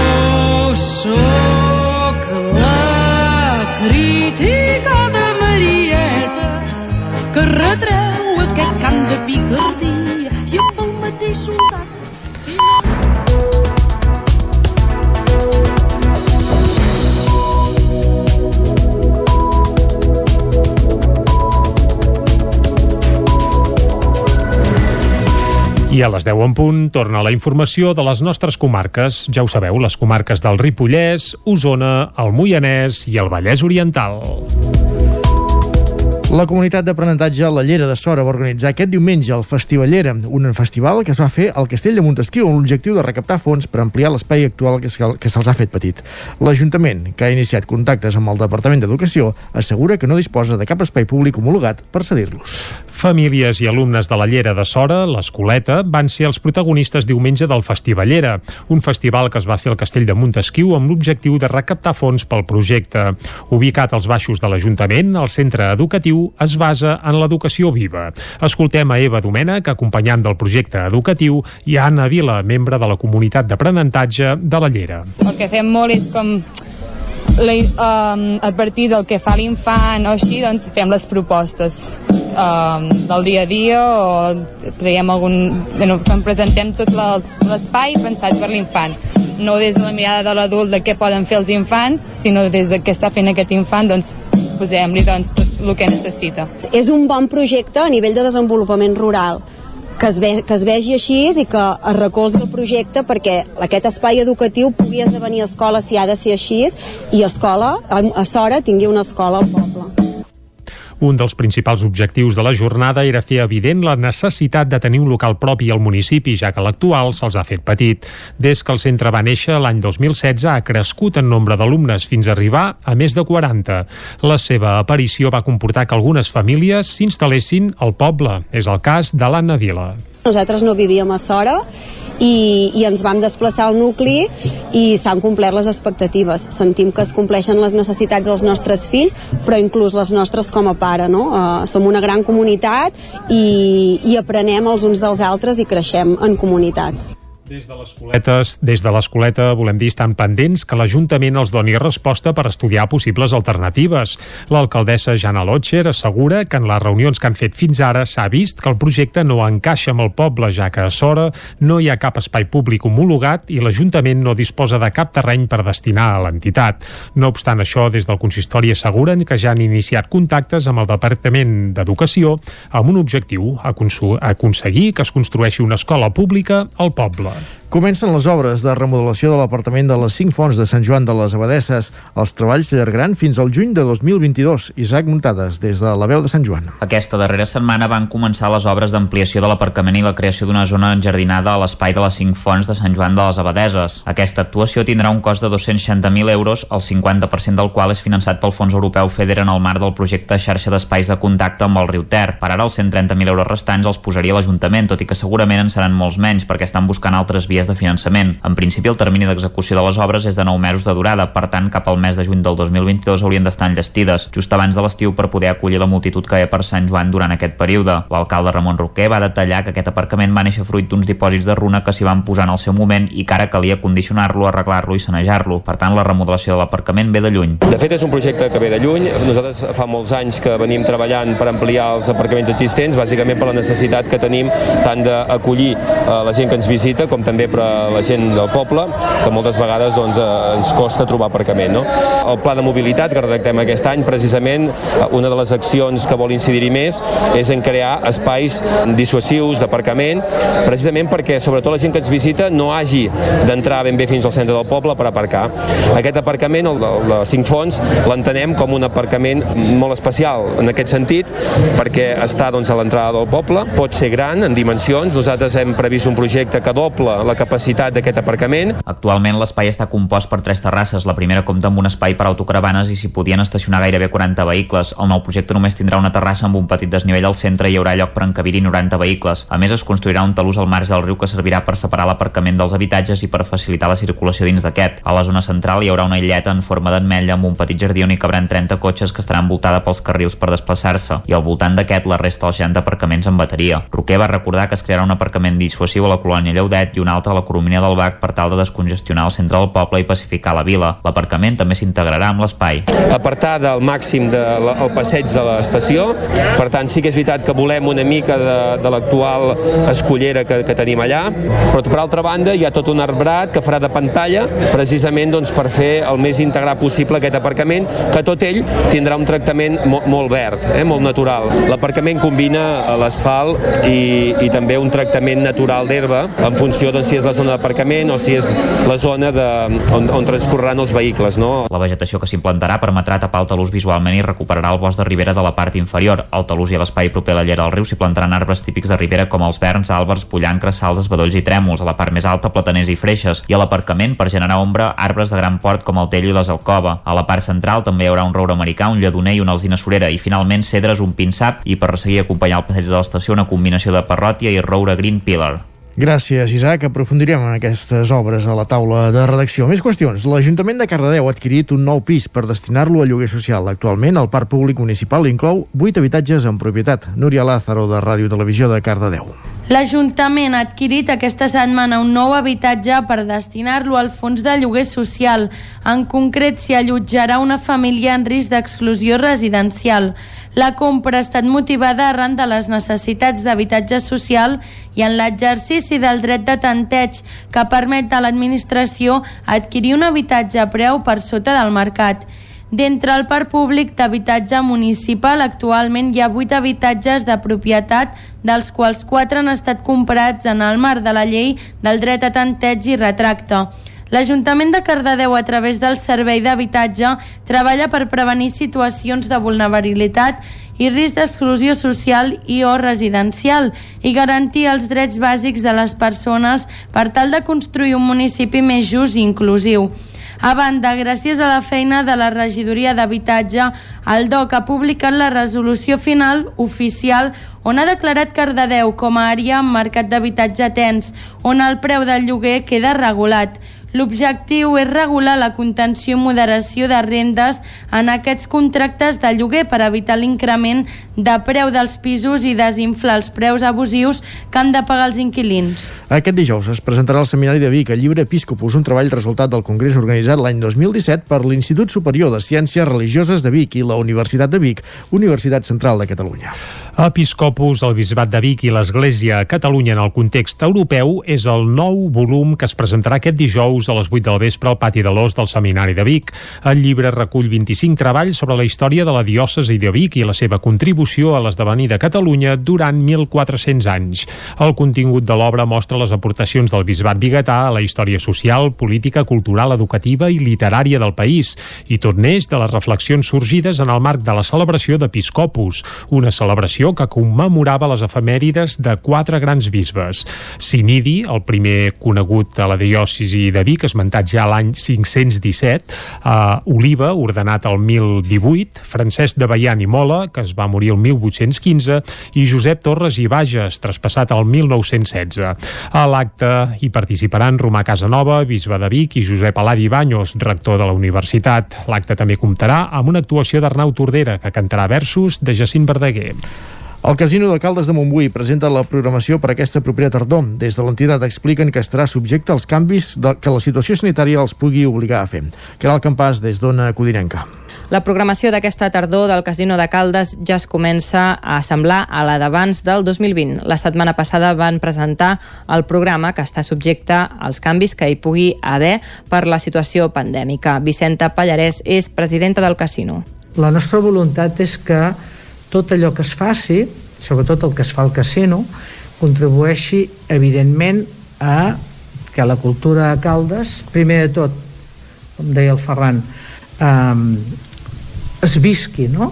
I, i continuï el seu camí, sigui una cultura ponderada a totes les edats i a tots els nivells, i si no es pot fer d'una manera que es faci de l'altra.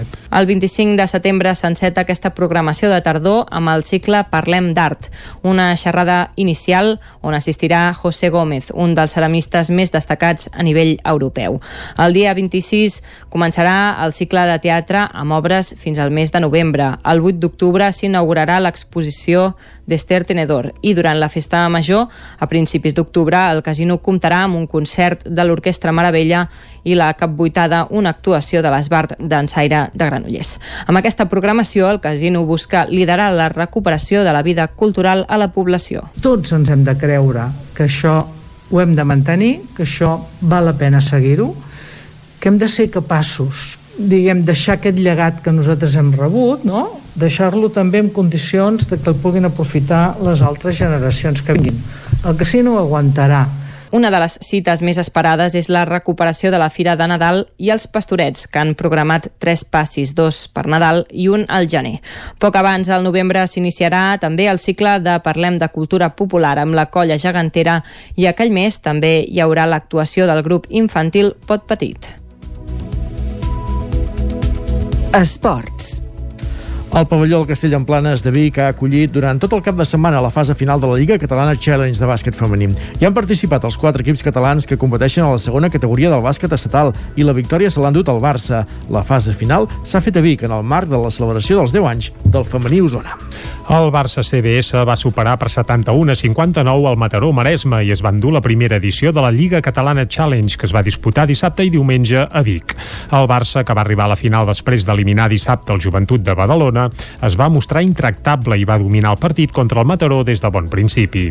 Escoltem per aquest ordre a l'entrenador del Barça CBS, Isaac Fernández, i a l'entrenador del Mataró Maresme, Jordi Vizcaíno.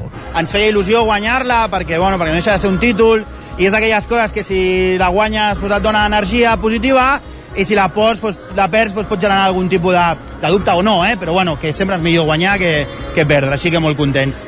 Jo crec que tenen bona part de l'equip de, de l'any passat amb, amb dos o tres retocs que han fet, jo crec que això els felicita molt la feina i nosaltres tenim fins a 11 jugadores noves, per tant, doncs, bueno, això també ens, ens pesa i ens ha passat, però, però al final competir durant una estona del partit, doncs nosaltres ja, ja ens anem contents en aquest sentit. La fase final de la Lliga Catalana es va fer a Vic per donar el tret de sortida a les activitats del desè aniversari del femení Osona. Imma Magem és la presidenta del club. Molt contents perquè ho volíem celebrar de veritat, perquè 10 anys per nosaltres és una cosa ja molt important. I llavors vam demanar això a la federació i aquí ho teniu. Contents, feliços, amb molta feina, però la primera celebració de l'any. N'hi haurà 10, farem 10 coses, aquesta és la primera. Al llarg de tota la temporada, doncs, el femení Osona farà nou actes més per celebrar l'aniversari. De moment, aquest passat cap de setmana ja van aconseguir tenyir Vic de bàsquet amb accent femení.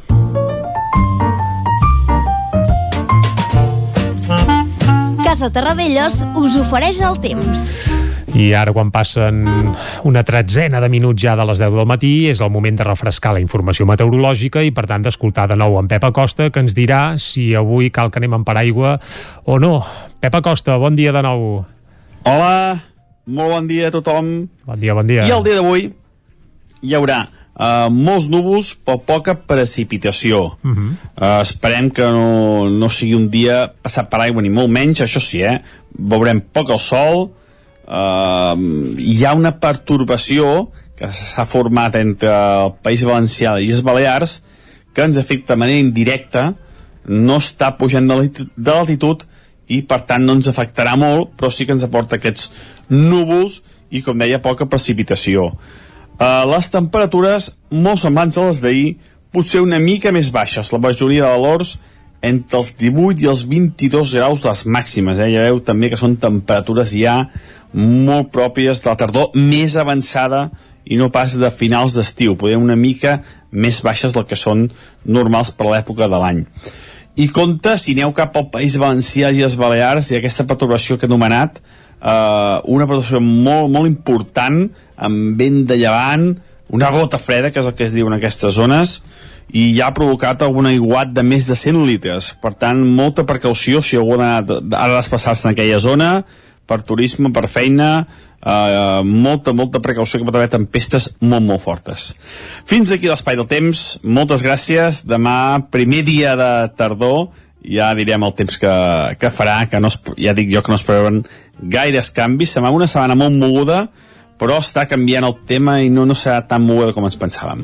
Moltes gràcies, fins demà, adeu. Doncs vinga, Pep, moltes gràcies i això sembla que l'entrada a la tardor, que es produirà demà, dia 22 de setembre, serà relativament tranquil·la. Això sí, amb temperatures força més fresques que les que teníem fa uns dies, per tant ja en acord amb l'època de l'any en la que estem. Com que està força remullat, per això tot plegat, ja podem dir que ve la tardor, venen bolets i se'n comencen a fer, eh? però d'això no en donarem gaires detalls. Isaac, no fos tot cas, cas, que, ja que amb- s'aturessin els boscos. Parlarem però... amb algun micòleg en els propers Va, dies, si un cas. Ho farem, si, ho si farem. fos el cas. Vinga, va. Molt bé, tanquem aquí el bloc meteorològic, una breu pausa i de Anem seguida l'entrevista. Casa Tarradellas us ha ofert aquest espai. Territori 17. Envia'ns les teves notes de veu per WhatsApp al 646 079 023. 646 079 023. WhatsApp Territori 17.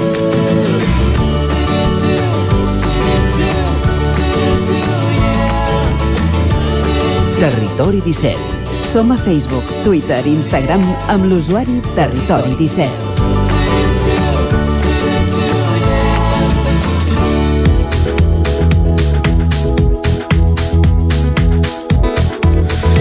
Doncs a l'entrevista saludem tot seguit el president dels comerciants del Mercat Municipal de Torelló, Emili Costa, per parlar d'una nova iniciativa que ha posat en marxa aquesta setmana en aquest equipament, el Mercat Municipal de Torelló. Es tracta d'un armariet amb 8 taquilles, amb 8 espais, amb 8 compartiments, per deixar-hi la compra que es pot fer a través a distància, per internet o per telèfon, i passar-la a recollir quan el client li vagi més bé. Emili Costa, bon dia. Hola, bon dia. Una mica la, la, el producte és aquest, eh? Un armariet amb 8 taquilles perquè tothom pugui anar a recollir la compra quan li vagi més bé. D'on surt aquesta iniciativa? Mira, aquesta iniciativa surt d'una proposta que ens fa l'Ajuntament de Torelló eh, arrel de que sempre hi ha hagut com una mica de debat que el mercat tindria que ampliar les hores, no? Sí. I com que som petits comerciants i ampliar les hores de venda al públic és molt complicat, perquè nosaltres no som com una gran superfície, el que, el que vam decidir, amb, junt amb l'Ajuntament de Torelló, és que amb aquesta iniciativa, si això funcionés, és una manera d'arribar a la gent a les tardes, al jovent que no pot, o així, a, fora d'horaris. Uh, parleu, parlàveu d'ampliar els horaris. El mercat, si no tenim mal entès, obre en, en, durant la setmana als matins i els, el divendres i dissabte matí-tarda. Ai, divendres matí-tarda no. i dissabte matí, oi? El mercat obre uh, de dimarts uh, a, di a dissabte de 8 a 2 del migdia. D'acord. I, I el divendres a la tarda, que a vegades fem horari d'estiu, horari, horari d'hivern, ara ja fem horari d'hivern, de dos quarts de cinc de la tarda a les 8 del vespre. I el problema és que ja, clar, als ser petits comerciants no podem tenir un doble de personal perquè tampoc hi ha més, saps? Sí. clar, és complicat, doncs la manera de lluitar contra el que és, bueno, per començar nosaltres hem de lluitar eh, amb horaris, hem de lluitar amb qualitat i amb proximitat, però una manera de lluitar contra la mancança d'horaris que tenim seria oferir diferents dies. Uh -huh. uh, aquesta és una nova via de negoci, com comentava. Uh, la idea és que aquestes taquilles estan obertes 24 hores al dia. Pots anar, tothom pot anar, el que hagi fet la compra a distància pot anar a recollir el producte a l'hora que li plagui. Pot ser a les 3 de la matinada, també, representa? Sí, sí, sí, sí és, és així. Vull dir, el que fas és, a través de la pàgina, eh, eh, fas el pedido, se't dona un còdic i quan, quan et convé o quan, quan d'allò és pertinent, doncs vas allà, marques el teu codi i treus el teu, el teu pedido. Això es fa a través d'una pàgina web que s'ha hagut d'activar nova només amb aquesta finalitat o té altres usos aquesta pàgina web? No, en principi la finalitat d'aquesta pàgina web és, és, és, va perquè és per aquí, per fer la venda online. mercatdetorelló.cat és per qui, per qui la vulgui sí, correcte. utilitzar i aquí ja eh, entenem tots els paradistes de- d'aquest mercat eh? Eh, es pot fer la compra a distància a totes les parades Totes les que s'hi han adherit. Crec que només hi ha una que no s'ha adherit, Mhm. però, però totes les que s'ha- s'han adherit. Uh, i això, uh, evidentment, a través d'aquesta pàgina web es pot fer a, tra uh, a través de... El pagament es fa a través de, de la web. Uh, aquesta iniciativa sorgeix de necessitats detectades també durant el confinament o és una cosa que ja rumiàveu d'abans? No, abans, abans del confinament, eh, bueno, mentir, eh, en ple confinament, quan va començar tot, deu ser un any i mig o més, no? Eh, que, que vam estar tots confinats, nosaltres els comerciants del mercat, bueno, com molts comerciants de tot arreu, va- vam, vam continuar treballant, no? perquè érem producte de primera necessitat. I el que fèiem aleshores era eh, repartir a domicili, perquè la gent no sortia de casa, i re- repartíem a domicili. I el fet és que eh, el que fèiem era eh, cada parada parlava, parlàvem entre nosaltres i si tenim un pedido d'una mateixa persona el reuníem i el portàvem a la persona aquella. D'acord?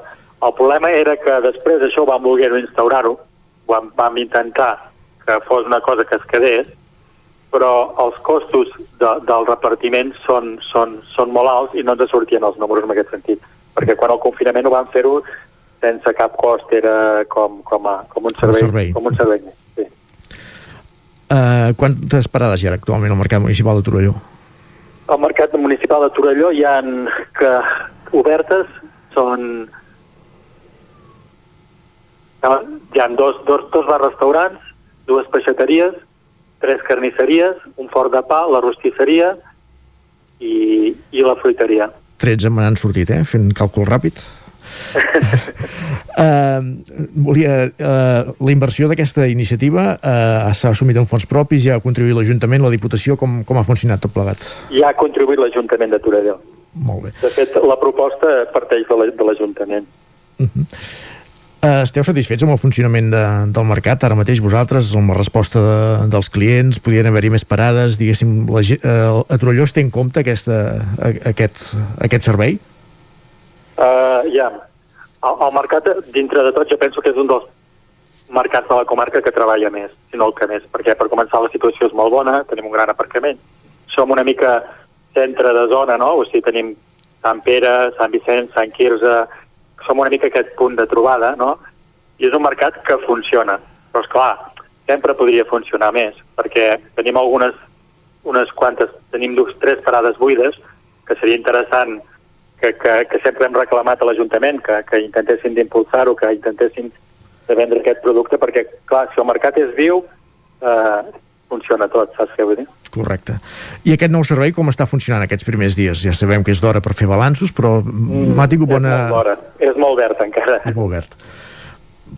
Per tant, encara no hi ha hagut, alguna compra hi deu haver hagut per això, no? Diguéssim. Sí, sí, hi ha hagut compres, però, però molt, molt poques de moment.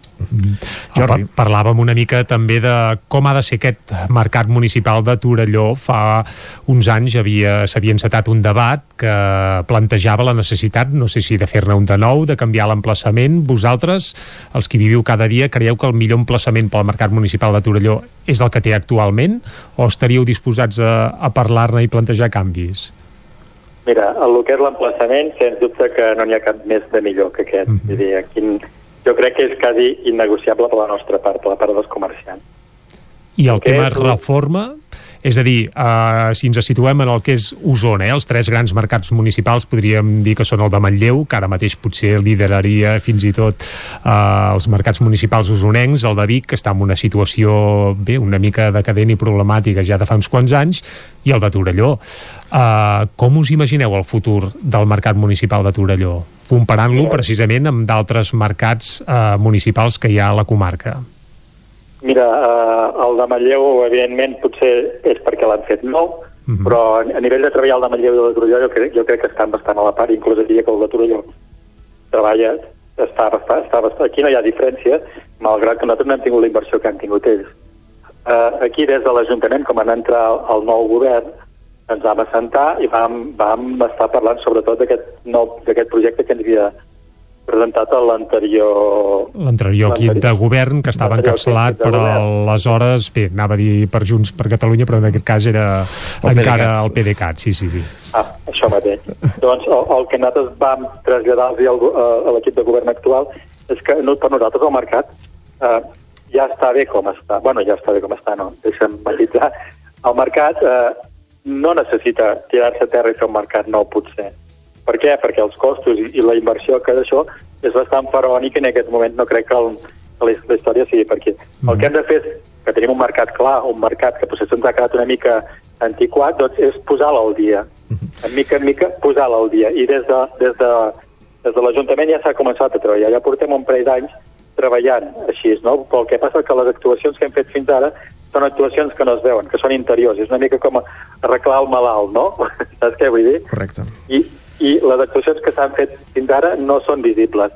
Suposo i espero que amb la confiança d'ells que continuem tinguent, eh, continuem havent inversions i netegem la cara, perquè al seu cap eh, el mercat és un patrimoni de, del poble de Torelló i, i són ells que han de, de, de conservar aquest patrimoni. I amb iniciatives com aquesta, que, que era objecte de l'entrevista d'avui, aquest armariet, també entenem que busqueu nous clients, perquè la imatge que ens podem imaginar és que el, el, el client habitual del mercat és gent de determinada edat. Eh, L'ús de, de les eines digitals afavoreix que també tenir clients més joves. Va en aquesta línia?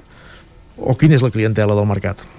No, mira, francament, a, a partir de la pandèmia, la pandèmia ha estat desastrosa per tots, però una cosa positiva que va portar la pandèmia que quan hi havia el tancament perimetral, la gent de Torelló s'havia de, de, de, de quedar a Torelló.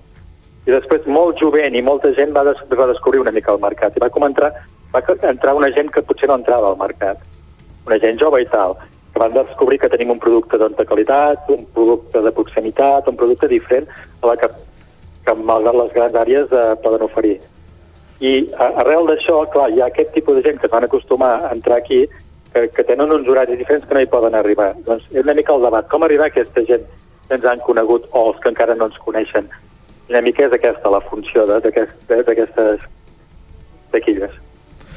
Perfecte, doncs Emili Costa, president dels comerciants del Mercat Municipal de Torelló, gràcies per ser aquesta estona amb nosaltres parlant d'aquesta nova iniciativa. Recordem aquestes taquilles que deia ara, aquest armariet amb vuit calaixos, on s'hi pot anar a recollir qualsevol hora del dia la compra que s'ha fet a distància a través d'aquest nou web mercatdetorelló.cat.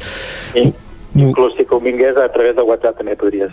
Perfecte això és, està al dia. Això és està al dia, i tant que sí. Moltíssimes gràcies, Emili, i sort amb la iniciativa. Fins aviat. A vosaltres, moltes gràcies, bon dia.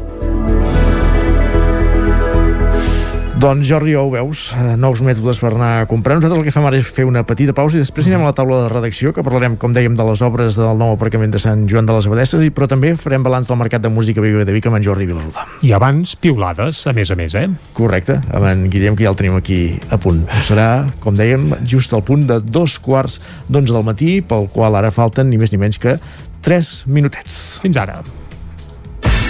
El nou FM, la ràdio de casa, al 92.8. Arriba la Welders Battle, el primer concurs de soldadura que impulsa Cefosol, el Centre de Formació de Soldadura. Anima't a participar-hi a títol personal o representant la teva empresa o institució. Premis pels guanyadors, obsequis per als participants i moltes sorpreses més.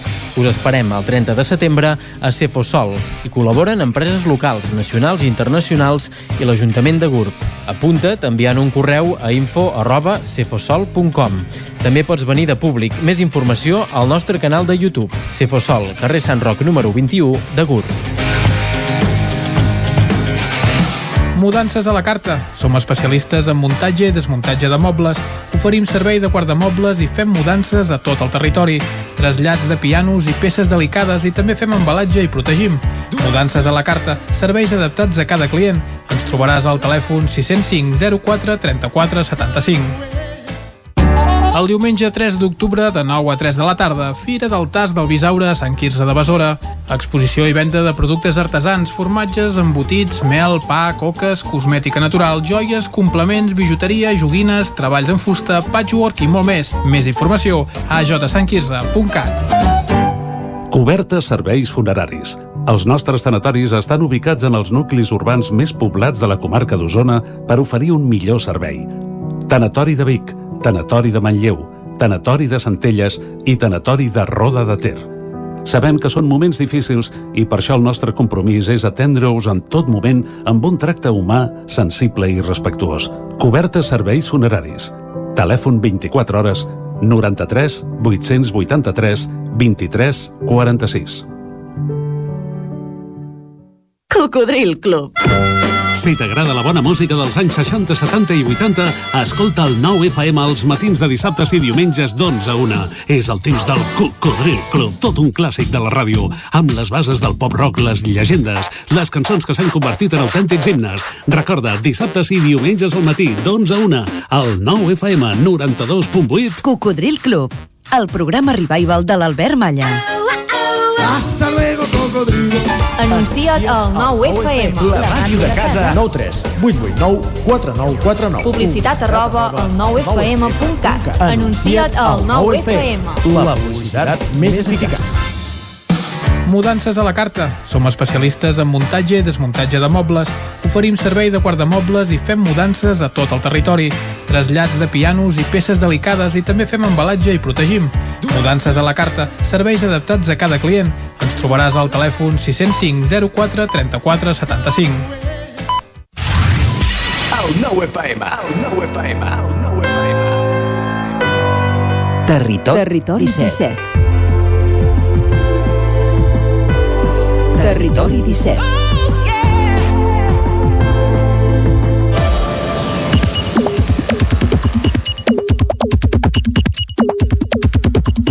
Ara sí, com dèiem, dos quarts d'onze del matí, moment d'entrar al món digital, repassar què diu Twitter, repassar les pilades amb Guillem, Xan amb Guillem Sánchez, d'aquí ja saludem. Bon dia, Guillem. Bon dia, Isaac, què tal? Com estem? Molt bé, molt bé. Amb moltes ganes de fer aquest repàs.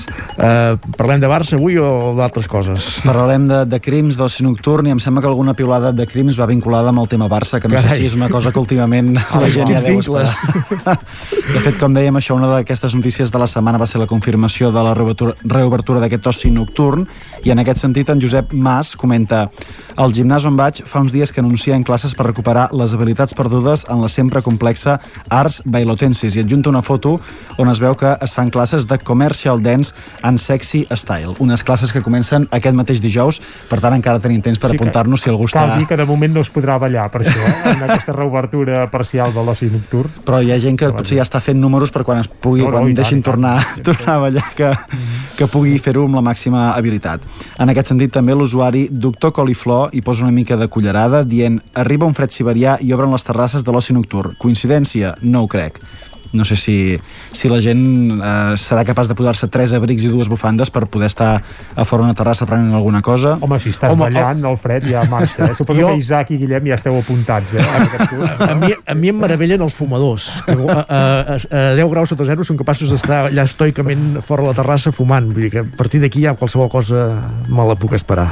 El que continua també sent una festa aquestes setmanes continua sent la sèrie Crims, que repassa, com dèiem, aquests, amb aquests capítols el crim de la Guàrdia Urbana i va ser el, el segon capítol. En aquest sentit, l'usuari hiperbòlica diu la Rosa tant tenir tres relacions a la vegada i jo tant mirar crims ben sola. Uh, és una qüestió ja comentada, però bé, sempre sorprèn aquesta, no sé si dir capacitat o aquesta habilitat de la, de la Rosa, en, en comparació potser amb altres persones, m'incloc a mi mateix, eh, aquí, en aquest sentit. Aquí, Llavors... llavors... La gran majoria de mortals que, que estaríem a l'altra a l'altra banda. L'Àlex també hi afegeix una, un, un comentari, diu sentir la Rosa Peral dient Albert en lloc d'Albert repetidament avui a Crims és probablement el més dur d'aquest crim.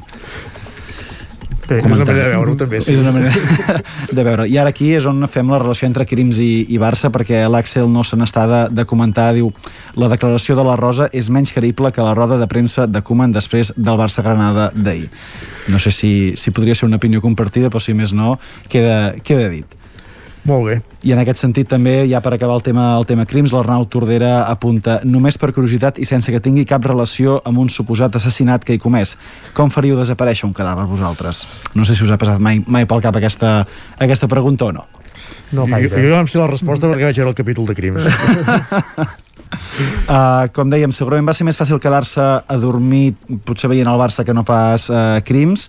El que també continua sent notícia aquesta, aquesta setmana són les imatges de l'erupció a l'illa de, la, de la Palma. Uh -huh. Hi ha algun usuari que intenta treure una mica de, de ferro dintre de la desgràcia que, que suposa per als, per als habitants i per als veïns d'aquella zona i en aquest sentit hi ha l'usuari l'Adrià que recorda, diu d'aquesta no sé si ens sortirem més forts, però com a mínim ens sortim sabent diferenciar els noms de La Palma, Les Palmes, Palma i les Palmes de Gran Canària, si més no aquí per aquesta, per aquesta via podem tenir una mica de... Segueixo un usuari mallorquí de Twitter, Miquel Aguiló, eh, que està molt ofuscat amb el tema i pel que vaig veient amb ell, semblaria que alguns mitjans a Madrid encara no ho tenen clar, això, però vaja. Home, els països catalans, quan diem Palma, és Palma, a l'illa Sí, de sí, Mallorca, sí, vull dir que no correcte. cal pas anar a illes de- de- d'Àfrica, però vaja, eh, contra equívocs i confusions, doncs N'hi ha ja se moltes. sap, n'hi ha moltes, sí. I també aquests dies eh, hem estat parlant del, del preu de la, de la llum, que continua generant eh, debat. Eh, us imagineu el que proposen Dani Soler? Diu, el govern només li demano que si acaba creant aquesta suposada companyia elèctrica pública li posi de nom d'arma. Ah, sí? Estaria bé. Podem parlar ara tot sí, en parlarem de seguida amb en Gil Salvans, exacte, aquí a Territori 17, és a dir, que aquesta piulada ens ve com anell al dit. Sí, I de fet el, el, el grup elèctric d'Arma li ha respost amb aquest usuari. Uh, i li ha dit, si li posen d'Arma li saltaran els ploms a més d'un. Ara que el logo ja el tindríem. I adjunten una, una fotografia amb una proposta de logotip per si el volen utilitzar des del, des del govern central. I no, i no demanen royalties? de moment no, pel que tenim conegut de moment no i per acabar res, una qüestió més d'àmbit local amb l'arribada del fred, a vegades costa més agafar també la bicicleta per, per sortir per anar als llocs a, a passejar o a anar cap a la feina o cap a on s'hagi d'anar en aquest sentit la Caroline, que és veïna de Cardedeu diu cada dia la mateixa història amb els carrils bici no sé si us imagineu eh, a la fotografia que adjunta què s'hi deu veure Gent passejant pel carril bici. més que gent Patinets, un... potser. no, Ah. Un camió, cosa que jo encara no havia vist mai, un camió ocupant els dos carrils d'un carril bici perfectament adaptat per anar-hi, Mm-hmm. per tant, eh, no sé si entre el fred i els, i els camions hi, hi deu haver gent que deu deixar ja de eh, prendre l'opció d'anar en bicicleta als llocs. Jo davant dels jutjats de Vic, eh, camions no, però altres vehicles que en teoria haurien de donar exemple sí que n'hi he vist sobre el carril bici. Ja pots dir quins són, ja, que els tenim tots presents. Queda, queda sobreentès. Guillem, repassem portades de, del 99.cat. Doncs vinga, portades del 99.cat. Va, uh, ajuda'm en Guillem sí. i ens hi posem i comencem pel 99.cat d'Osona i el Ripollès, que ara mateix obre uh, explicant que el Mercat de Música Viva de Vic va tancar amb 17.200 persones assistents als concerts i 626 professionals acreditats. I també expliquen que a bon preu cedeix un local a l'Esclat de Malla per vacunar de la Covid. Això serà aquest proper divendres. I per acabar també es fan ressò d'un atracament després de missa de 8, que és un succés que ja hem explicat al butlletí aquí a Territori 17. I a l'edició del Vallès Oriental, eh, ara mateix, doncs hi tenim eh, que Caldes vol tenir un carril bici que la connecti amb els polígons de Palau Solità, és a dir, de Palau de Plegamans, i també tres arrestats per robar cosmètics i perfums en un supermercat de Granollers. Per acabar, també eh, hi ha un reportatge sobre els 6 anys de la comarca del Moianès, que per cert també es pot trobar a l'edició d'Osona i el Ripollès. El Moianès el tenim allà al mig i apareix a, a les dues edicions. I també presó per a una mare d'un nadó mort a l'AP7 a Llinars del Vallès per una presumpta desatenció. Això és el que apunta ara mateix el 99.cat del Vallès Oriental. Gràcies, Jordi, gràcies, Guillem. Anem a la taula de redacció.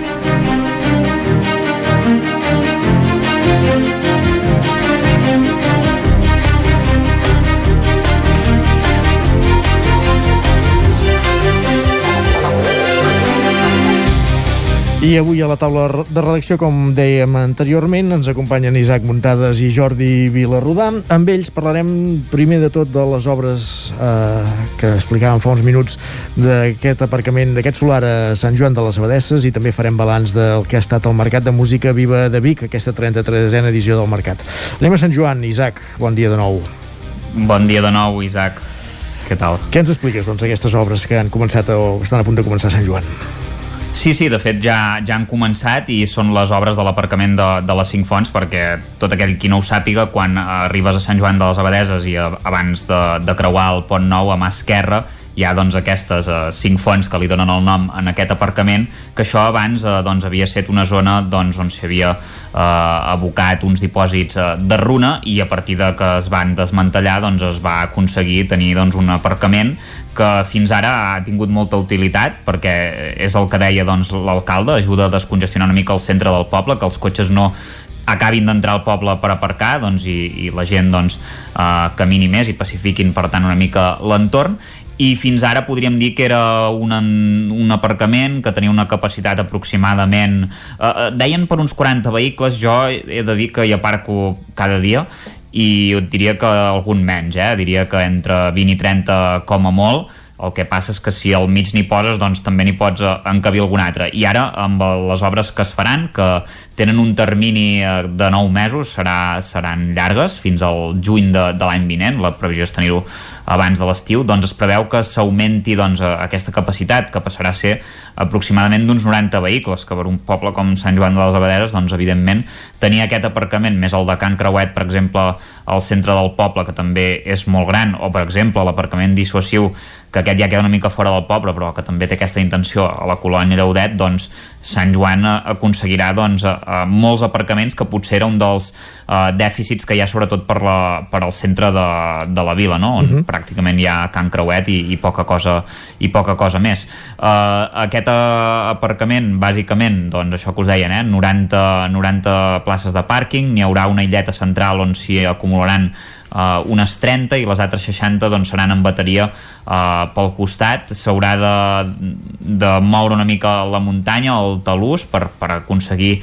uh, ampliar-ho i també s'intentarà que l'aparcament desplaçar-lo una mica més cap a la dreta per tal de que no estigui uh, tan a prop de, de les vivendes de, dels veïns que en aquell cas uh, sobretot hi ha algunes cases uh, molt grosses a, a la banda a la banda esquerra i, i bé, sens dubte és una obra molt important que, que costarà 260.000 euros per tant no, no és pas barat ni molt menys. Uh, per sort la meitat ja, ja venen finançats pel FEDER i aquí caldrà veure si l'Ajuntament és capaç d'aconseguir més vies de finançament que en principi està treballant amb això. I, i bé, serà un aparcament doncs, que mm, el que va dir també l'alcalde és que s'intentarà doncs, integrar el màxim possible eh, amb la natura, s'hi plantaran eh, un munt d'arbres, també es, es combinarà doncs, el que és l'asfalt eh, amb la gespa i, i podran seguir aparcant autocaravanes que fins ara potser era eh, doncs, un dels vehicles que més aparcaven en aquest aparcament perquè hi havia una mica de servei, era un aparcament molt ampli i sobretot a l'estiu però també durant tot l'any perquè és de forma desestacionalitzada, encara que en menys mesura doncs eh, sempre se n'hi podien veure sobretot als caps de setmana. I la pregunta del milió gratuït, de pagament, horari limitat, quina és la intenció? Sí, Sí, sí, no, la intenció és que sigui gratuït, evidentment, eh, perquè evidentment que, una, que un aparcament dissuasiu ha de tenir eh, aquesta funció, perquè si es fa de pagament, doncs evidentment potser la gent eh, no voldrà anar-hi, però la intenció és que sigui eh, gratuït, com ja ho és també el, el de Can Creuet al centre del poble, que que recordem que també té un punt elèctric, que això també s'haurà de veure si se n'hi posa algun, perquè des de l'Ajuntament també diuen que volen anar introduint el vehicle elèctric i, i segurament hi ha la intenció potser més endavant de, de posar-n'hi. Per tant, eh, gratuït, sí. Perfecte, Isaac. Doncs moltíssimes gràcies per ampliar aquesta informació d'aquestes obres a vosaltres. que a Sant Joan d'aquest aparcament. Eh, continuem parlant al territori 17. Fins ara. I ara el que fem és conversar també amb en Jordi Vilarrodà eh, sobre aquest Mercat de Música Viva de Vic, que començava dimecres de la setmana passada, que acabava dissabte, que dissabte a la nit eh, l'organització feia balanç amb aquests 17.000 mm, assistents, si no recordo malament, als diferents concerts. Una xifra, Jordi, que veient les dades prepandèmiques, que sempre parlàvem d'assistències superiors als 100.000 espectadors, doncs poden semblar irrisòries, però és això, eh, és un mercat en pandèmia pandèmia i que es ven com, diguéssim, el punt d'inflexió, diguéssim, per la recuperació del sector musical. És així, eh? Efectivament, això és el que, el, el que d'alguna manera voldria que fos el, el sector de la música. Eh, aquí hem tingut doncs, aquests dies més de 600 professionals sobretot de, de Catalunya, de l'Estat, també n'han vingut alguns de fora, hem parlat fins i tot eh, professionals doncs, de, de l'Argentina, per exemple, o sigui, eh, però tots ells encara amb aquesta incertesa de eh, el mercat de música és el que marca l'inici del curs, és el que allà on ve gent que programa concerts per sales, per teatres, per eh, festivals, etc. I, i encara no saben ben bé què serà aquest eh, 2000, final de 2021, principis de 2022 semblava que ara ja estaríem en un moment de gairebé postpandèmia, és a dir, d'assistència lliure a concerts, de sense mascaretes, etc i encara no hi som. Per tant, això s'ha anat endarrerint, aquest termini i, i la incertesa encara hi és, però també les ganes de, de continuar programant, perquè de fet és el que ha passat durant el que els darrers mesos, i és el que eh, ve a fer la gent aquí, o sigui, buscar coses i, i intentar doncs, que el món de la música dintre de la, de, de, la, de la situació en què estem encara doncs eh, eh, pugui anar començant a funcionar amb una certa normalitat. I sembla que, a veure eh, molt malament haurien d'anar les coses com perquè realment el 2022 no fos l'any de la tornada gairebé dels formats eh, normals, no diré encara dels grans festivals, potser però, però sí doncs amb una obertura de sales, per exemple doncs que seria fonamental. I, uh -huh. i aquesta era una mica la idea. Hi havia força bon eh, ambient, diguem, en aquest sentit del, de, del, de la gent que va estar aquí. I jo dic que perquè el món de la música sempre viu en una crisi permanent i llavors està tan acostumat a, a, a aixecar-se després de caure doncs que que ja doncs, em sembla que ho porta incorporat això, eh? Uh -huh. però, però sí que hi ha aquest puntet d'optimisme i els 17.000 espectadors que han passat pels concerts també ho, ho ratifiquen d'alguna manera. Allò de la xifra dels 100.000 ja feia un temps que es havia deixat de dir perquè era aproximada, perquè moltes vegades no es podien comptabilitzar les persones que s'estaven movent per escenaris. Clar, aquesta sí és absolutament comptabilitzada, a més Correcte, a més, perquè, sí, sí. perquè esclar, la gent havia de reservar una entrada Exacte, i s'havia sí. d'inscriure reservar. I, I aquest any, a diferència de l'any passat, la majoria de la gent va anar als concerts on havia reservat entrada ara. Uh, la diferència de l'any passat aquest any hi havia una, un petit peatge de 3 euros, sí. que suposo que això també uh, uh, t'implica, no? sí, mínimament. jo crec que això és el que... Uh, els 3 euros era l'entrada que ja es cobrava els últims anys uh, per un concert del Mercat de Música Viva. 3 euros, a veure, això són dos cafès, eh? Sí, sí, però, uh, uh, l'any passat, uh, els pocs concerts que es van fer, com que veníem de la situació que veníem, es va dir no, que siguin gratuïts aquest any. Què ens vam trobar? Doncs amb la irresponsabilitat d'un Eh, d'un sector de gent doncs, que reservava entrada i després no hi anava. I et trobaves en concerts que teòricament eren exaurits, eh, de, de, de la, que, s'havien exaurit les entrades i et trobaves amb, amb la meitat de les cadires buides. Cosa que va ser, en fi, a mi em sembla un absolut escàndol, no, no per part de la bona voluntat de l'organització, sinó pel morro, diguem, dels que fan, dels que fan això. Eh, I aquest any sí que és veritat que això no s'ha donat, o s'ha donat en molta menor mesura. Hem vist escenaris realment eh, que feien goig, eh, la sala gran de l'Atlàntida, el nou escenari de la zona esportiva, amb l'assistència massiva als concerts de d'Oques Grasses i de Zoo, per exemple, eh, l'escenari de la Bassa dels Hermanos també, o sigui, i, i, i realment en aquests escenaris, a més a més, hem vist propostes interessants, hem vist moltes estrenes. És el que anava a dir ràpidament, sí. artísticament, què ha estat el més destacat? Artísticament eh, van veure presentacions de treballs com el Petit de Cal Ariel, per exemple, on Roger Mas, que estrenava disc a Vic amb una relació que ell té especial amb Vic i amb el mercat de música.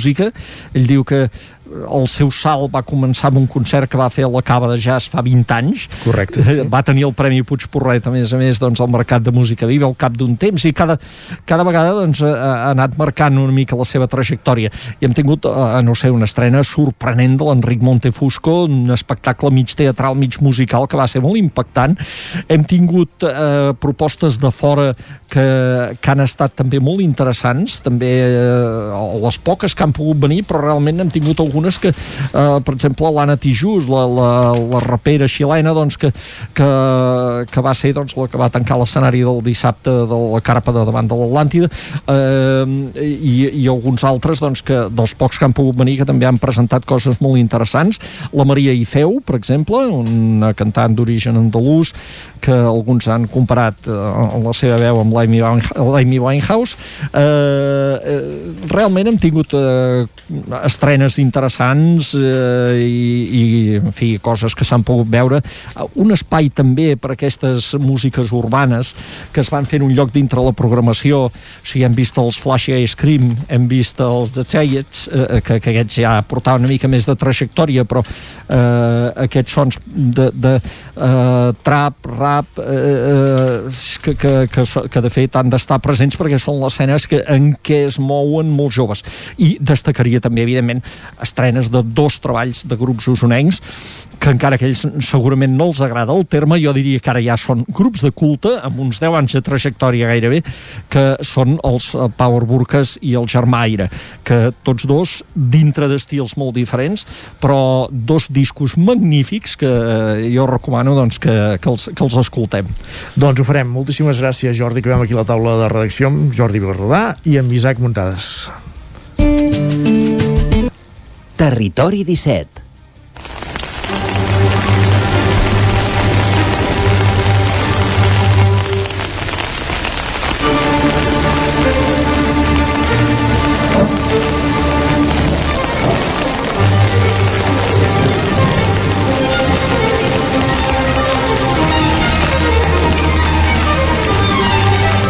I quan falten una dotzena de minuts per les 11 del matí comença a ploure bots i a barrals aquí a Territori 17, però no ho fa a l'exterior dels estudis. De moment no plou, sinó que ho fa perquè vol dir que ens capbussem de ple a, les, a, vaja, a la secció de Meteorologia i Medi Ambient que tenim cada dimarts. Avui, com ja hem avançat abans, qui ens acompanyarà és en Gil Salvans, de l'Agència de l'Energia d'Osona, i ja el tenim aquí, Isaac, eh, per tant el saludem, eh? Endavant, sí. Uh, Gil, molt bon dia. Bon dia a tots. I en Gil, avui té un objectiu gairebé, diríem, que impossible, eh? i és intentar treure l'entrellat a què passa amb el preu de la llum, que durant aquest estiu s'ha disparat i bat rècords pràcticament cada quatre dies en una situació que, bé, que no recordem que hagués passat mai, eh? Gil, quina és l'explicació eh, per aquests rècords que ha assolit el preu de la llum eh, durant un estiu eh, bé, que s'ha pagat a preu d'or la llum i ja ho diuen que l'estat espanyol a més a més és dels llocs més cars no d'Europa sinó de, del món i no sé si això té alguna explicació o si aquí hem de veure-hi tres peus al gat o com es pot explicar aquesta situació que estem visquent últimament amb el preu de la llum? Um, primer de tot dir que, que no, hi ha una, no hi ha un motiu únic, eh? és una és una barreja de diversos factors Uh -huh. uh, també segurament podem buscar tres peus al gat uh, en un sector que és el sector de la llum, que el que li falta és llum moltes vegades, eh? és a dir, falta molta claror i molta transparència. Val a dir, eh, quan comparem el preu de la llum, que aquesta pujada de la llum que estem patint a, a l'estat espanyol i, per tant, també a Catalunya, eh, està afectant a, a tot el a tot el continent europeu. Eh? És a dir, ahir, per exemple, el secte, sistema elèctric energètic d'Anglaterra feia quasi, quasi fallida i algunes de les seves empreses principals s'anaven a, a la quebra i l'estat d'Anglaterra obria un procés de, de salvar algunes empreses energètiques. Carai, per tant, no és una, no és una no és, problemàtica, no és una problemàtica única. estatal i prou. No és, no és única, um, perquè principal, un de les principals causes d'aquesta pujada de llum és el preu de la tona de CO2. És a dir, qui contamina paga. Mhm. Aquest, ara sí. És a dir, fins Abans ara... no passava. Uh, jo fa molts anys que vaig estudiar Medi Ambient, uh, fa més de 15 anys, i ja es parlava a la universitat que tard o d'hora qui contamina pagaria, i ara sembla ser que ha arribat el moment de que qui contamina paga perquè realment Mhm. ens comencem a creure que estem en una emergència climàtica i que qui emet CO2 o, o gasos a l'atmosfera haurà de tenir haurà de pagar més que el qui no n'emet. Mhm. Per tant, un dels motius és aquest. Però Eh, no és l'únic. No és l'únic, i, no és, i no és que aquest motiu justifiqui aquesta pujada, perquè la pujada és, és, és no és una pujada d'un 10, un 20, un 30%. Estem parlant d'unes pujades molt fortes, és a dir... Superiors al 100 o 200% en alguns fins i tot casos, al 300, eh? eh? és a dir, nosaltres tancàvem preus d'energia elèctrica al novembre de l'any passat, octubre-novembre de l'any passat, per tot el 2021, a 48-50 euros megawatt. -huh. la setmana passada va arribar a 188 eh? és a dir, eh, avui estem a 150 però és que la previsió pel 2022 és de 105 és de a dir, mitjana, sí. de mitjana, a dia d'avui, si has de comprar l'energia elèctrica de tot l'any, perquè de vegades amb, amb, el Sí, mercat elèctric es compra de planes, futurs, etcètera. etc. Mhm. si el compressis avui per tot l'any que ve, està a 105 euros megawatt hora. Quan, Per tant, més quan del fa un doble any, del quan que fa va un ser any l'any estàvem a passat. 48, sí, sí, Mhm. més del doble. eh?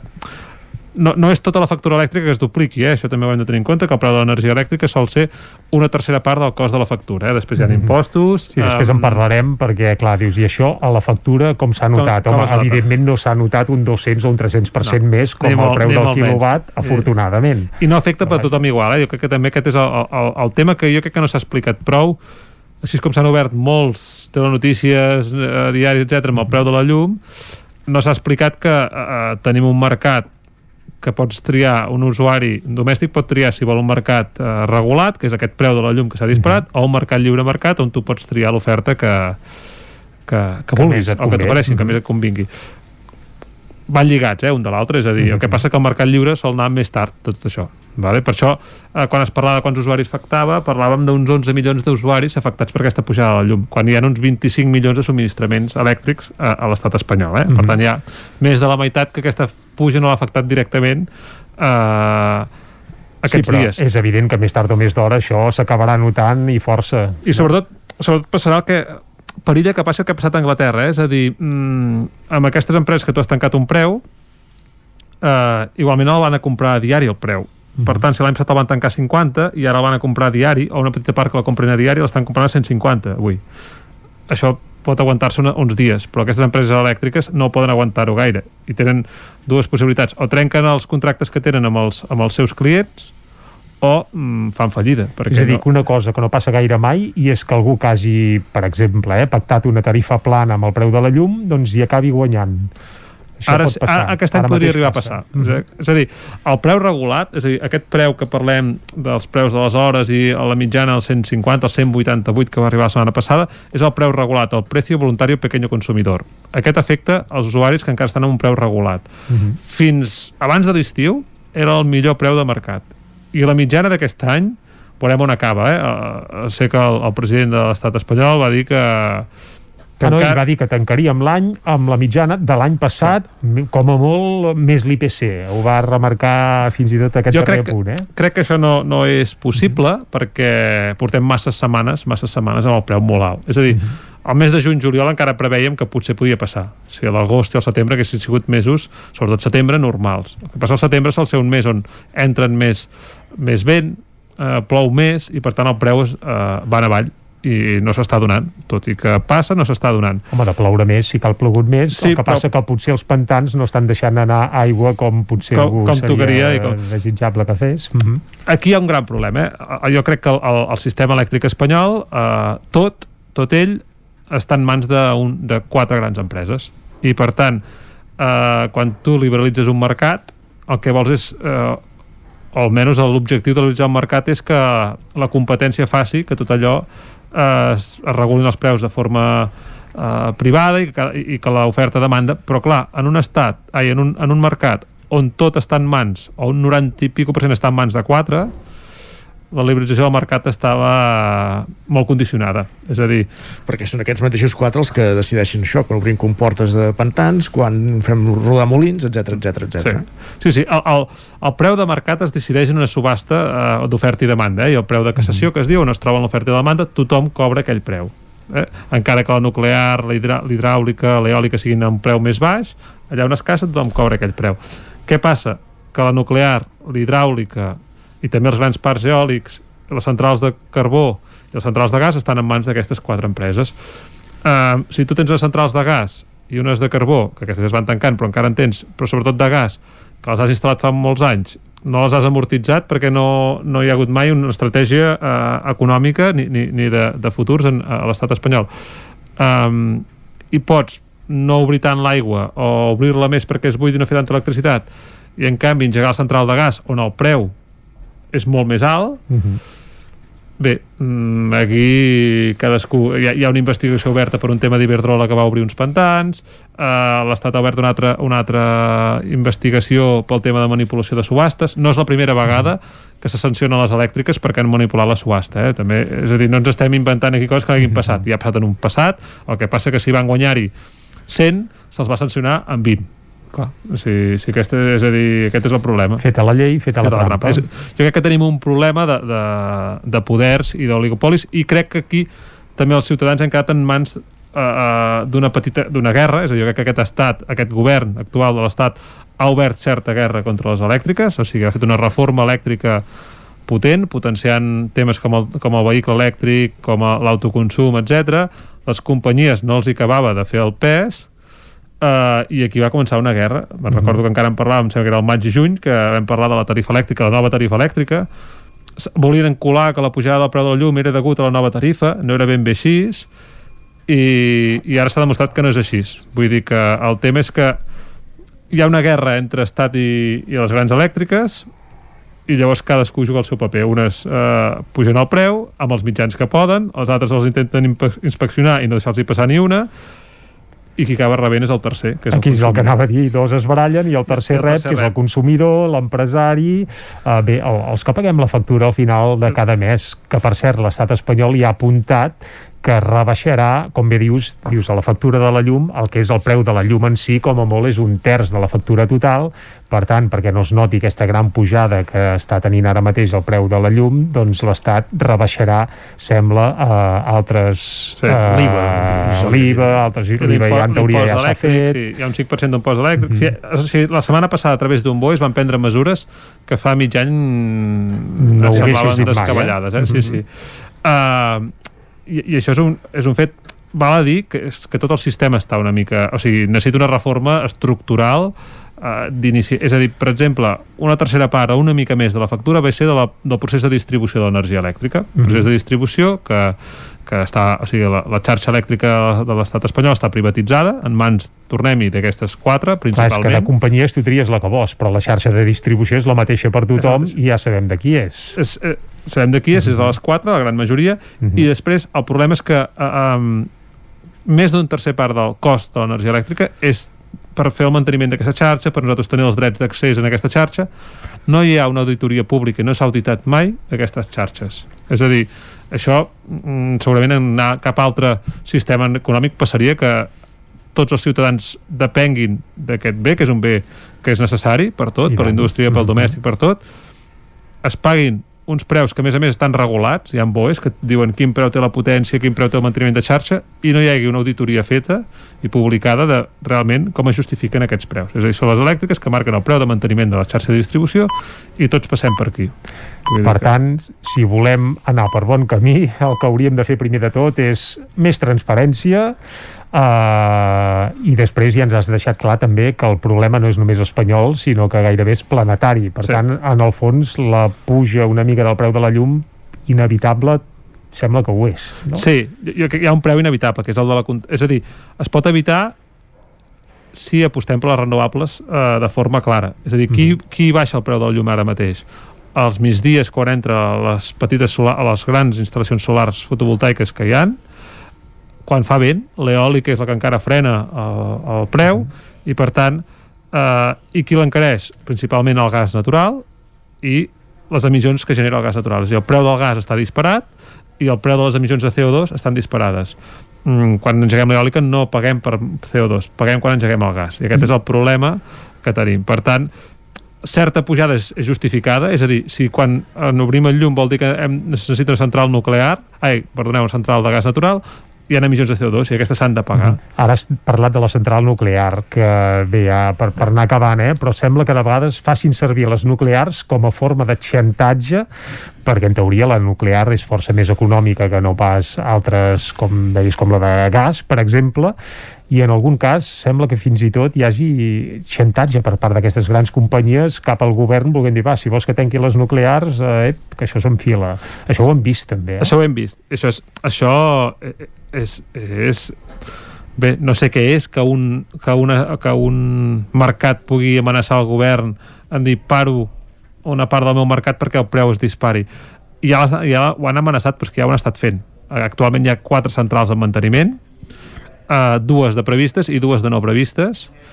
Eh, hi ha sempre s'ha fet que quan o sigui, les, pre les previstes ja es preveuen per un tema de regulacions de mercats i sempre les imprevistes s'han fet o s'han intentat fer quan el preu de la llum no és molt alt perquè una central nuclear també baixa el preu són centrals molt potents i amortitzades, amb la qual cosa el preu de les centrals és molt més baix, també perquè no integra tots els seus conceptes, hi ha tota una part de residus nuclears que no va integrada en el cost de l'energia nuclear, i, i ara mateix en tenen quatre de parades quan, per, bueno, que se m'ha no mirat, eh? se m'ha havia quatre de parades, dues estaven previstes i dues no. És a dir, en uns, en uns moments tan alts de preus no tindria cap sentit que tinguessin dues de parades. És perquè, tornem al mateix, eh? la mateixa propietària de la central de gas és la propietària de la central nuclear. Uh -huh. Si em paro un, em puc engegar quatre de les altres a un preu molt més alt, pues, doncs ja aquí, està, estem. aquí sí, estem. Sí, aquí estem. Ostres, ostres, uh, Gil, moltes gràcies per acompanyar-nos avui aquí a Territori A 17. Esperem d'aquí un mes per parlar d'algun altre tema lligat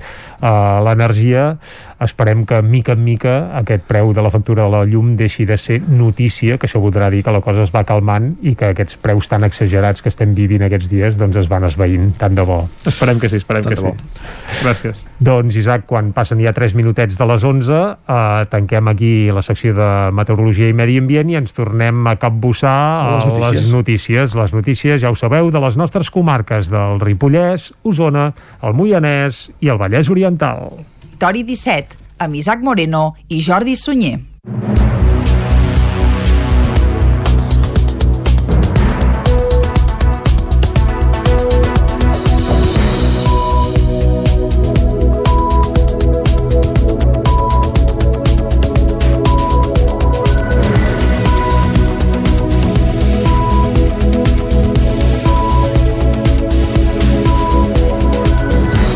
Des de diumenge, a primera hora de la tarda, és notícia l'erupció del volcà Cumbre Vieja, situat a l'illa de la Palma, a l'arxipèlag de les Canàries. L'esclat del volcà ha obligat a evacuar unes 5.000 persones. Ahir van parlar amb dues veïnes de Sant Pere de Torelló i Torelló, que precisament estan de vacances a la Palma.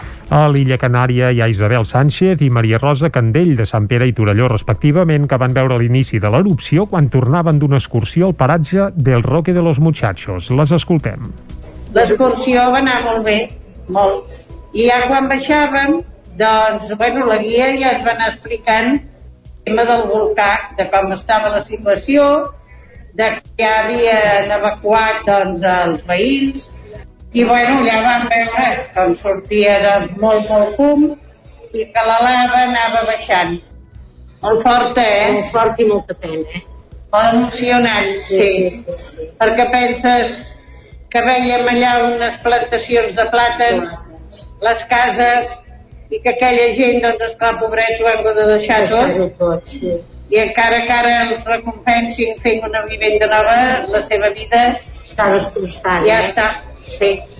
Sánchez i Candell estan allotjades a uns 40 quilòmetres d'on està situat el volcà i tot i que des de l'agència de viatges on van contractar les vacances els han ofert l'opció de tornar abans, han decidit quedar-s'hi fins dissabte, tal com tenien previst. Ahir mateix van visitar la ciutat de La Palma, que queda a l'altra banda de l'illa on hi ha el volcà.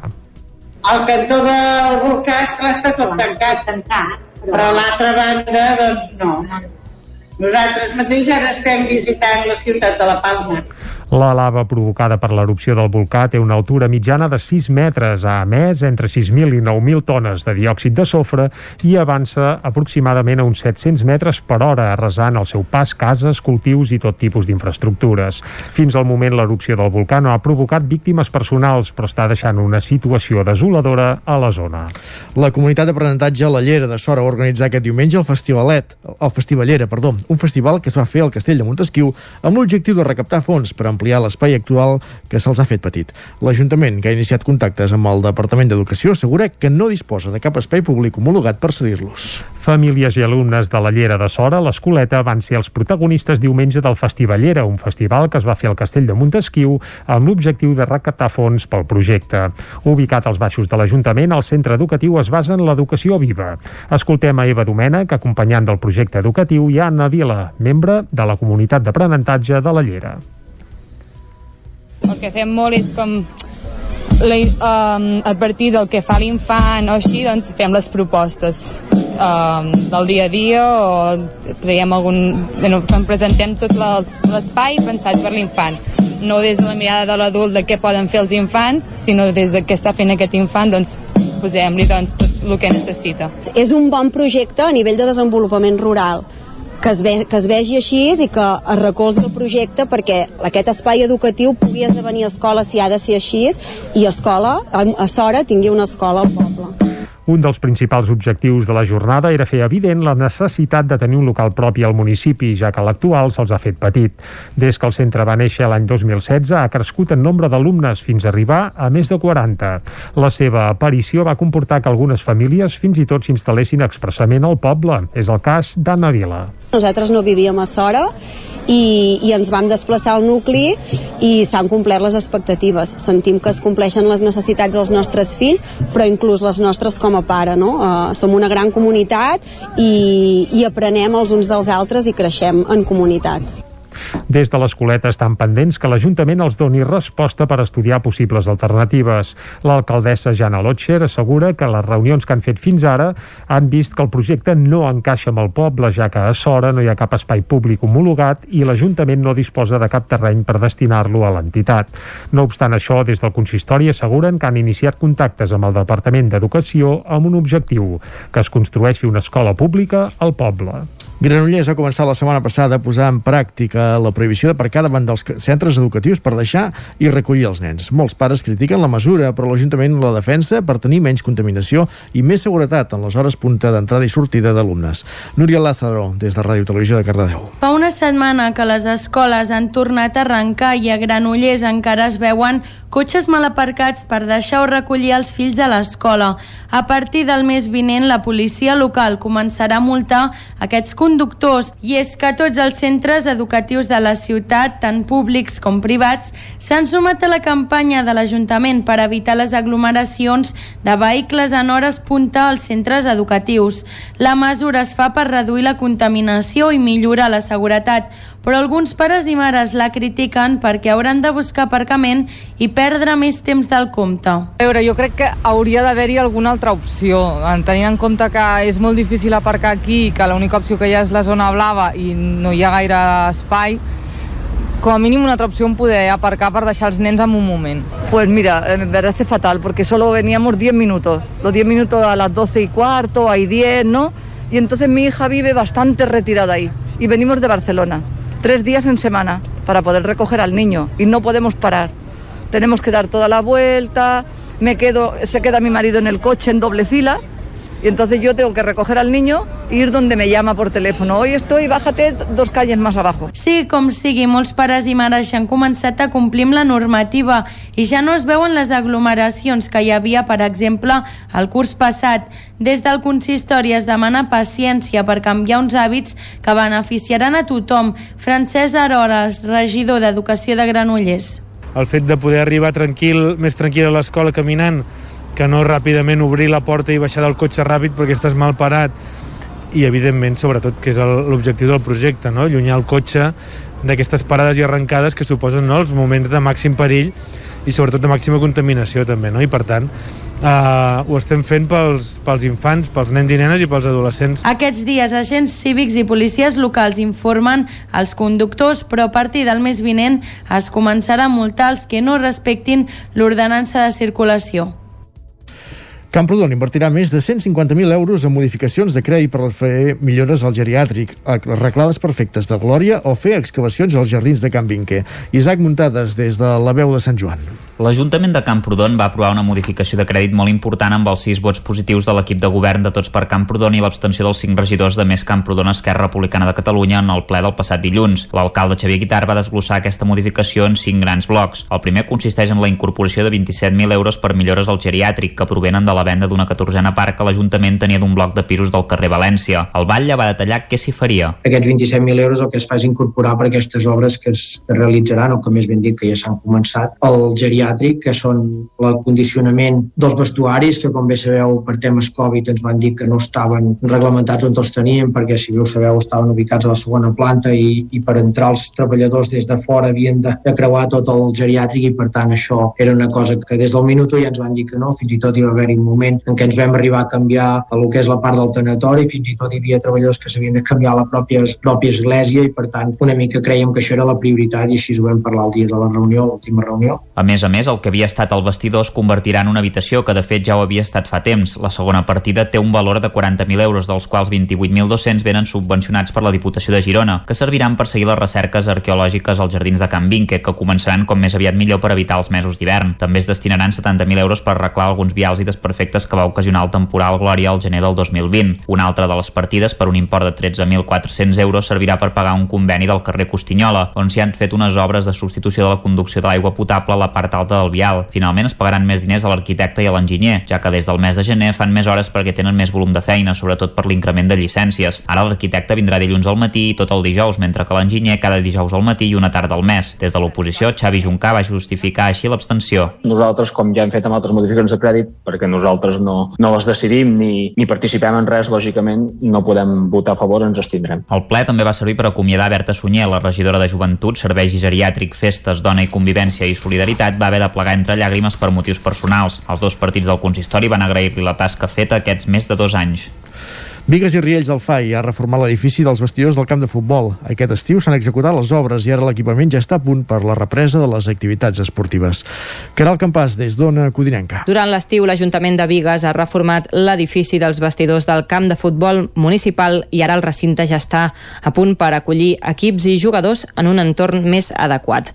Joan Galiano, alcalde de Vigues, detallava les tasques que s'hi han realitzat que inclouen el canvi de la caldera. Principalment la substitució de les portes, el fals sostre que teníem en el, en el, allà en l'equipament i eh, projectem doncs, el que és l'ampliació de la caldera eh, perquè al final els usuaris també doncs, hi havia una capacitat i necessitaven una miqueta més de potència en aquesta caldera i eh, la, diguem que l'incrementem en 250 litres més.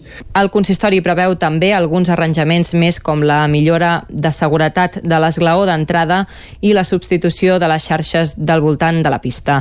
Galiano detalla els tempos d'aquesta segona fase. Sí, això intentarem que estigui, ja està dintre del que seria el pressupost 2021, intentarem que abans de que finalitzi l'any tindrà aquesta ja, aquestes actuacions ja finalitzades. De la mateixa manera, l'Ajuntament també treballa per fer possible una pista de vòlei sorgida de l'Assemblea Jove 2021 dels pressupostos participatius de joventut.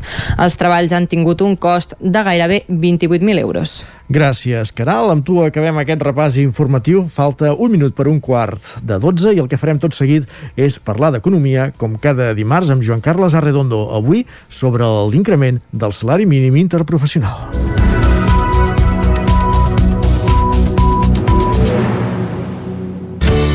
Territori 17. Envia'ns les teves notes de veu per WhatsApp al 646 079 023. 646 079 023. WhatsApp Territori 17.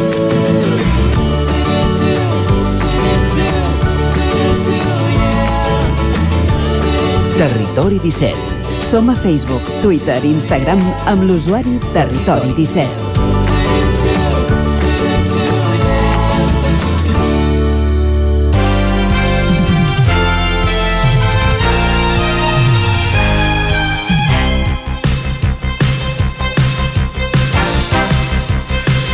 I així, amb aquesta música, amb aquesta sintonia, cada dimarts saludem via telefònica Joan Carles Arredondo, a la redacció del 9-9 de Granollers, el Joan Carles Arredondo, responsable d'Economia d'aquest diari, i aquí tenim a l'altra banda del fil telefònic. Joan Carles, bon dia. Bon dia. Com estem? Bé, aquí disposat, disposat a parlar d'aquest salari mínim interprofessional, eh? Aquests Sí, que... mo modestos 15 euros d'increment salarial, eh? Exacte. S'anunciava la setmana passada, tot i que la patronal arrufava bastant el nas. Eh, Explica'ns una mica el motiu, eh, com funciona i les conseqüències que pot tenir tot plegat. El tema és que eh, aquests modestos 15 euros eh, han reviscolat vells debats eh, sobre, que són debats encesos gairebé entre acadèmics i tot, eh, Sí. sobre la conveniència ja no de l'augment, eh, sinó del mateix eh, salari mínim interprofessional. Eh. Tot això està molt marcat per priorismes que sovint són més ideològics que no pas tècnics. Eh, ha sobre la conveniència d'incrementar aquest sou mínim, aquests efectes sobre l'empresariat, eh, que és, cert que aquesta vegada aquests, aquests efectes sobre l'empresariat estan agreujats per l'efecte que té, que té la pandèmia eh, sobre comptes d'explotació i, i les dificultats d'anar recuperant la normalitat. Per tant, diguem-ne que el debat aquest, el, el debat de, de l'increment d'aquest any també està marcat per això. El que passa és que segurament les posicions no han canviat gaire i només han servit, diguem-ne que l'excusa de la pandèmia només ha servit per refermar posicions. Finalment, amb, amb aquests estira i arronses, que segurament han sigut més prolongats amb el temps del que hauria estat desitjable, eh, som, eh, les revisions salarials normalment es pacten al gener, eh? sí. per entrar en vigor al gener, estem al setembre i s'aplicaran al setembre perquè té caràcter retroactiu, però no caràcter retroactiu a principi d'any, sinó d'aquest mes de setembre. Doncs, eh, llavors, el govern espanyol, a qui li pertoca fixar el salari mínim interprofessional és el govern, eh, ha acabat eh, decidint aquest increment de 950 euros eh, a 965 euros la paga, eh? això són 14 pagues, que és el que normalment i, I són bruts aquests, aquests salaris, eh? Són, són bruts, sí, uh, però això, eh? Diguem-ne que si ho miréssim mensualment puja una mica més, són com 1.015 aproximadament, eh? D'acord. Ho dic perquè després farem comparacions amb, amb altres països i, i també haurem de pensar que en aquest cas són, són mensuals. Entesos. Uh, doncs això, um, són, aquests, aquest salari mínim s'aplica a treballadors que no tenen altres condicions pactades per convenis col·lectius. Eh? Correcte, no hi ha conveni. Per tant, no tots els treballadors, és aproximadament un milió i mig dels més de 19 milions que actualment figuren com a cotitzants a la Seguretat Social espanyola. Mm? Uh -huh. uh, per tant, estem parlant d'un percentatge mm, que això mm, supera com entre un 8 i mig, no, no, no arriba al 10%. Les anàlisis més pessimistes sobre la pujada del salari mínim acordada sobre sense el concurs de la representació empresarial, com molt bé explicaves al principi, eh? eh la representació empresarial no va finalment eh, participar en el pacte, doncs eh, ells diuen que aquestes anàlisis pessimistes suposen, ten, perdó, eh, el, el salari mínim interprofessional, aquests 15 euros a més, que amb cotitzacions socials també és injust, eh, una mica assenyalar només els 15 euros, també hi ha cotitzacions socials, és una mica més, eh, de, de 15 euros, el que li costa a l'empresari. Doncs això, que suposa tancar la porta al mercat laboral a les capes més desafavorides, eh, que normalment els que tenen només el salari mínim són els treballadors més, més desafavorits. Mm, aquests 965 euros suposen un cop sumades les càrregues socials que assumeixen les empreses eh, uns 17.000 euros l'any de manera que un empresari que vulgui contractar segons aquestes anàlisis tan pessimistes haurà d'esperar que aquell treballador generi almenys aquests 17.000 euros de manera que aquest empresari s'ho pensarà dos cops o sí. 17.000 eh? uh -huh. abans de, de, de, de, de fer aquesta contractació uh -huh. sí és així com surten anàlisis com les del Banc d'Espanya, el governador del qual, que es diu Pablo Hernández de Cos, ha actuat com a profeta de la catàstrofe cada vegada que s'ha parlat d'incrementar el salari mínim interprofessional. L'entitat que de la qual ell és governador avaluava eh, l'increment que es va aplicar el 2019. El 2019 el salari mínim interprofessional va créixer un 22% de cop, eh? i ells eh, asseguren aquests estudis del Banc d'Espanya que eh, aquest increment es va traduir en la pèrdua de 180.000 llocs de treball. La pregunta, eh? Es van perdre 180.000 llocs de treball el 2019? Algun més i tot? Eh, doncs, segons les dades d'afiliació de la Seguretat Social. Ah. Eh? Al final de 2019 hi havia mm, exactament 18 milions 300.000 cotitzants a la Seguretat Social, eh, estic fent números grossos, eh? i quan va acabar, quan va acabar el, el 2000... Perdó, eh, ho estic dient malament. De, de 2000, el 2018 hi havia 19, gairebé 19 milions de cotitzants, eh? 18 milions 900 mil. I el 2020 hi havia 19 milions 200 mil, és a dir, 300 mil més. Mm? Per tant, mm, no sé d'on surten, eh? Aquests 180.000 serien... Eh, llocs de treball que s'haurien creat i que no se'n van crear. Mm, eh? Però clar, tot això és una suposició. També és una suposició, per exemple, que, que la que va fer l'Autoritat Independent de Responsabilitat Fiscal, eh, l'AIREF, sí. que situa l'impacte en una forquilla que va de 19.000 a 33.000. Eh, estan lluny, eh, les dues, els dos estudis i m'imagino solvència tècnica en tots els casos. D'acord. Per tant, com que tots són suposicions, és bo girar la vista què passa a altres països eh, que tenen experiències en salaris mínims interprofessionals. L'Estat no és una illa, hi ha altres països que en tenen. Uh, hi ha altres països que tenen salaris mínims, en molts casos, mm, molt més alts que l'espanyol. I no es plantegen quants llocs de treball es perden per incrementar-ho. No els cal. prou. Sí, no, però no els cal perquè tenen taxes d'atur molt inferiors a les espanyoles. Eh? Alemanya. Alemanya, 1.585 euros de salari mínim amb una taxa d'atur del 3,6%. Gran Bretanya, una mica menys, 1.583, dos euros menys. Taxa d'atur 4,6. França, 1.555, 7,9. Espanya amb aquests 1.000 i poc, eh? 1.000 i, i 1.035, estem en taxes d'atur del 14%. Mm, L'equivalència entre salari mínim elevat i una taxa d'atur elevada és més que qüestionable. Per tant, mm, jo crec que darrere de- d'aquests anàlisis que fa el Banc d'Espanya hi ha un biaix mm, ideologitzat, eh, diguem-ne, ho, ho direm així per dir-ho suau. Vistes aquestes dades, és pertinent convidar l'empresariat a plantejar-se si el motiu que posa en dificultats la continuïtat, la continuïtat de l'empresa és el salari, el salari mínim o no. Eh? Si els empresaris alemanys paguen més pels seus treballadors i en canvi creen ocupació, deu ser que la competitivitat de l'empresa els deu venir per altres factors que no, no sigui haver destinat menys recursos als salaris. I la resposta amb més consens entre els experts és que aquesta competitivitat arriba per la via de la innovació. Innovació per reduir els costos de producció o per fer millors productes. En definitiva, propiciar que cada lloc de treball generi més valor afegit perquè és així com s'aconseguirà fer més rendible el sou que paga a cada empleat. De, Diguem-ne que això és economia clàssica, Sí. per, per dir-ho d'alguna manera. En aquest àmbit no hi ha gaires notícies a l'Estat. Eh? Uh, uh, recentment apareix, apareixien unes dades de l'Oficina Estadística Europea, eh, l'Eurostat, que mostraven que Espanya és el tercer estat membre de la Unió on més es va retallar l'aportació pública en R+D en els últims 10 anys. L'aportació privada tampoc està per, per, per tirar coets, mm? perquè les empreses sumen inversions equivalents al 57% de la pública. Això, la dada així, no, Crua, si, sí. si, si no la tens en comparació, eh? Exacte. Eh, Costa de, de per situar. tant, comparem. Alemanya, 67%. Estats Units, 71%. Corea, 78%. I estem parlant d'un uh, percentatge sobre una inversió total, perquè la, si la pública ha baixat, la inversió total deu haver baixat, clar, doncs també cal suposar que la, que la privada mm, no està almenys augmentant en el, en el ritme que seria desitjable per arribar a aquests països que crec que són una mica en els quals emmirallar-se en temes d'innovació. En altres qüestions potser no, però en temes d'innovació potser sí, no?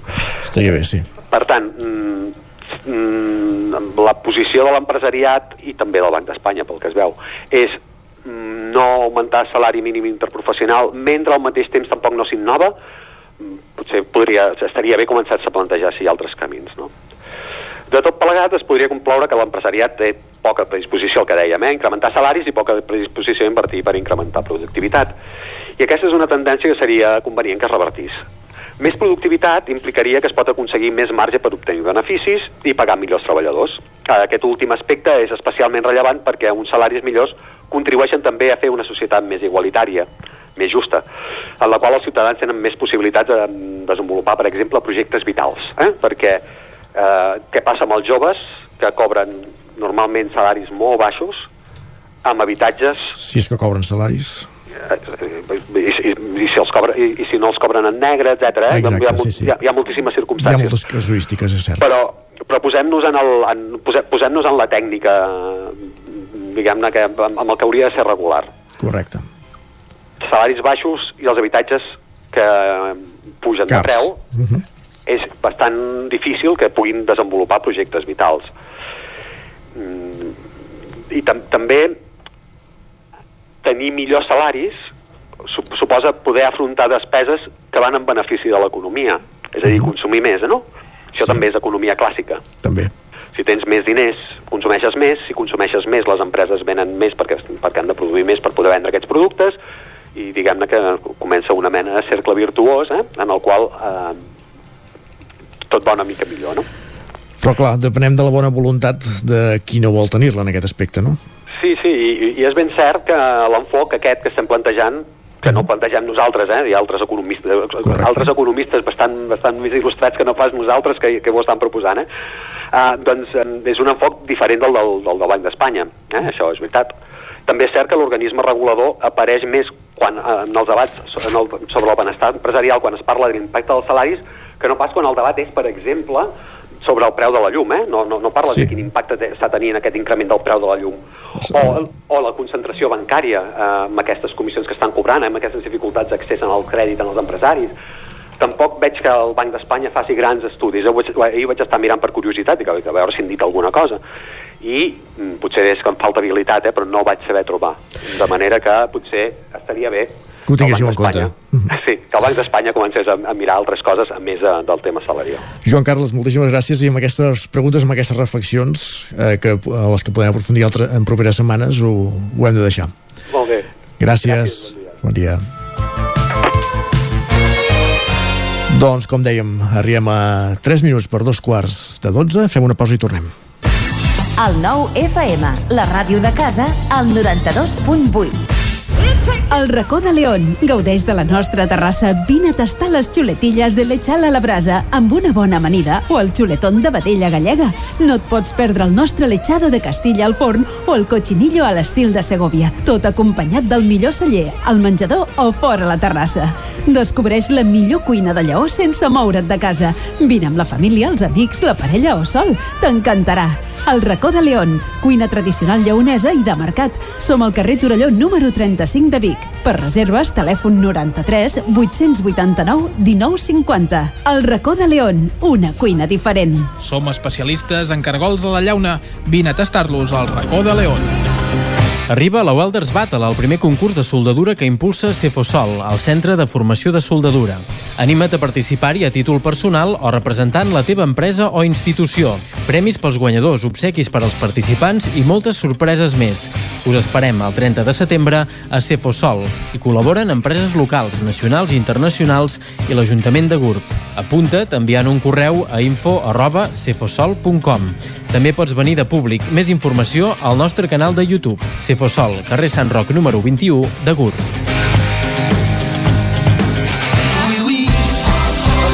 Els idiomes són la teva assignatura pendent? Matricula't anglès o francès a l'EOI Osona, l'Escola Pública d'Idiomes a Vic. Per més informació, consulta la web eoiosona.cat i trobaràs l'oferta de cursos i horaris, així com les bonificacions i exempcions de matrícula. També ens pots trucar al 93 889 3830 a partir de l'1 de setembre. Atenció! Al 99 i Vicreu et regalen una barbacoa de gas Weber Traveler. Només has d'entrar al perfil d'Instagram del 99, buscar el post de la barbacoa i seguir les instruccions. La Weber Traveler és una barbacoa de gas totalment transportable i valorada en gairebé 500 euros. Entra i participa al sorteig. Tens temps fins diumenge. Cocodril Club. Si t'agrada la bona música dels anys 60, 70 i 80, escolta el 9 FM els matins de dissabtes i diumenges d'11 a 1.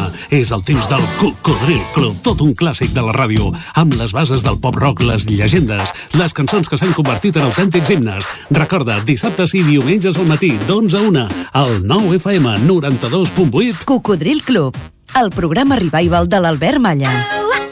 Hasta luego, cocodrilo. El 9 FM, la ràdio de casa, al 92.8. El 9 FM, el 9 FM, el 9 FM, el 9 FM, el 9 FM. Territori 17. El 9 FM, la veu de Sant Joan, Ona Codinenca, Ràdio Cardedeu, Territori 17.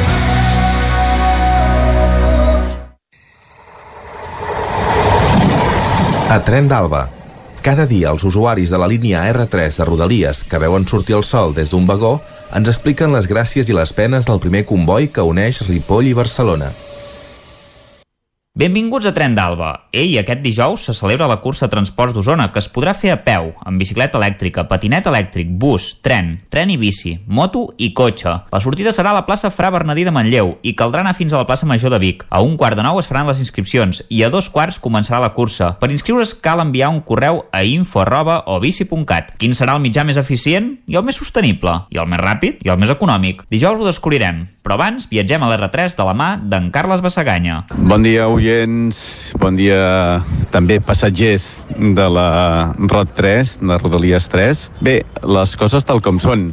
Avui el tren bala, el que surt de Ripoll a les 7.18, passa per Vic més o menys a les 8 i hauria d'arribar sempre al voltant de les 9, una mica abans, a plaça Catalunya de Barcelona, doncs ha estat puntual, hem arribat puntuals. Per tant, allò que dèiem, les coses pel seu nom i avui allò que hauria de ser normal, però que malauradament és una excepció, s'ha convertit i hem pogut arribar a l'hora doncs, a la feina, en el meu cas, i alhora també la majoria de persones doncs, que han agafat aquest tren. Avui una mica com a cosa que m'inquieta, o com a novetat, quasi m'atreviria a dir que hem comentat amb algun viatger del tren, és allò que va fent rum-rum de que en els propers mesos la nostra estimada Rodalies 3 tindrà una cosa positiva, que és una inversió. Sembla que començaran les obres d'un tram de desenvolupament entre la Garriga a Navall, però comença a haver l'inquietud dels famosos trasllats i trajectes en bus que en alguns moments que ens hi hem trobat doncs no deixen de ser un patiment.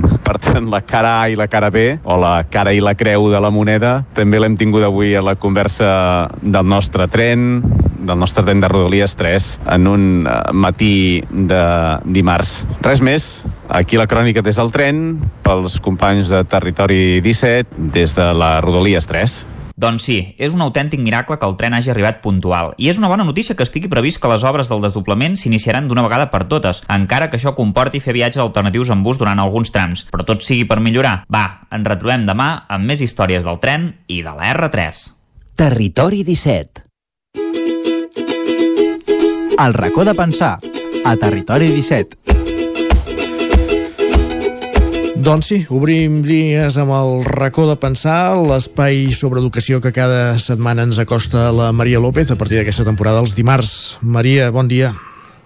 Molt bon dia, com estem? Molt bé, aquí a punt d'escoltar-vos. Qui t'acompanya avui? Doncs mireu, us explico. Com vàrem anunciar l'últim racó de pensar, aquesta temporada volem també donar a conèixer projectes vinculats al món de l'educació que s'estan duent a terme en el nostre país. Projectes inspiradors que ens ajudaran, un cop més, a, replante a replantejar-nos com fem les coses, sempre amb aquest prisma de repensar la nostra manera d'educar. Posarem sobre la taula dos temes i un nexe intergeneracional.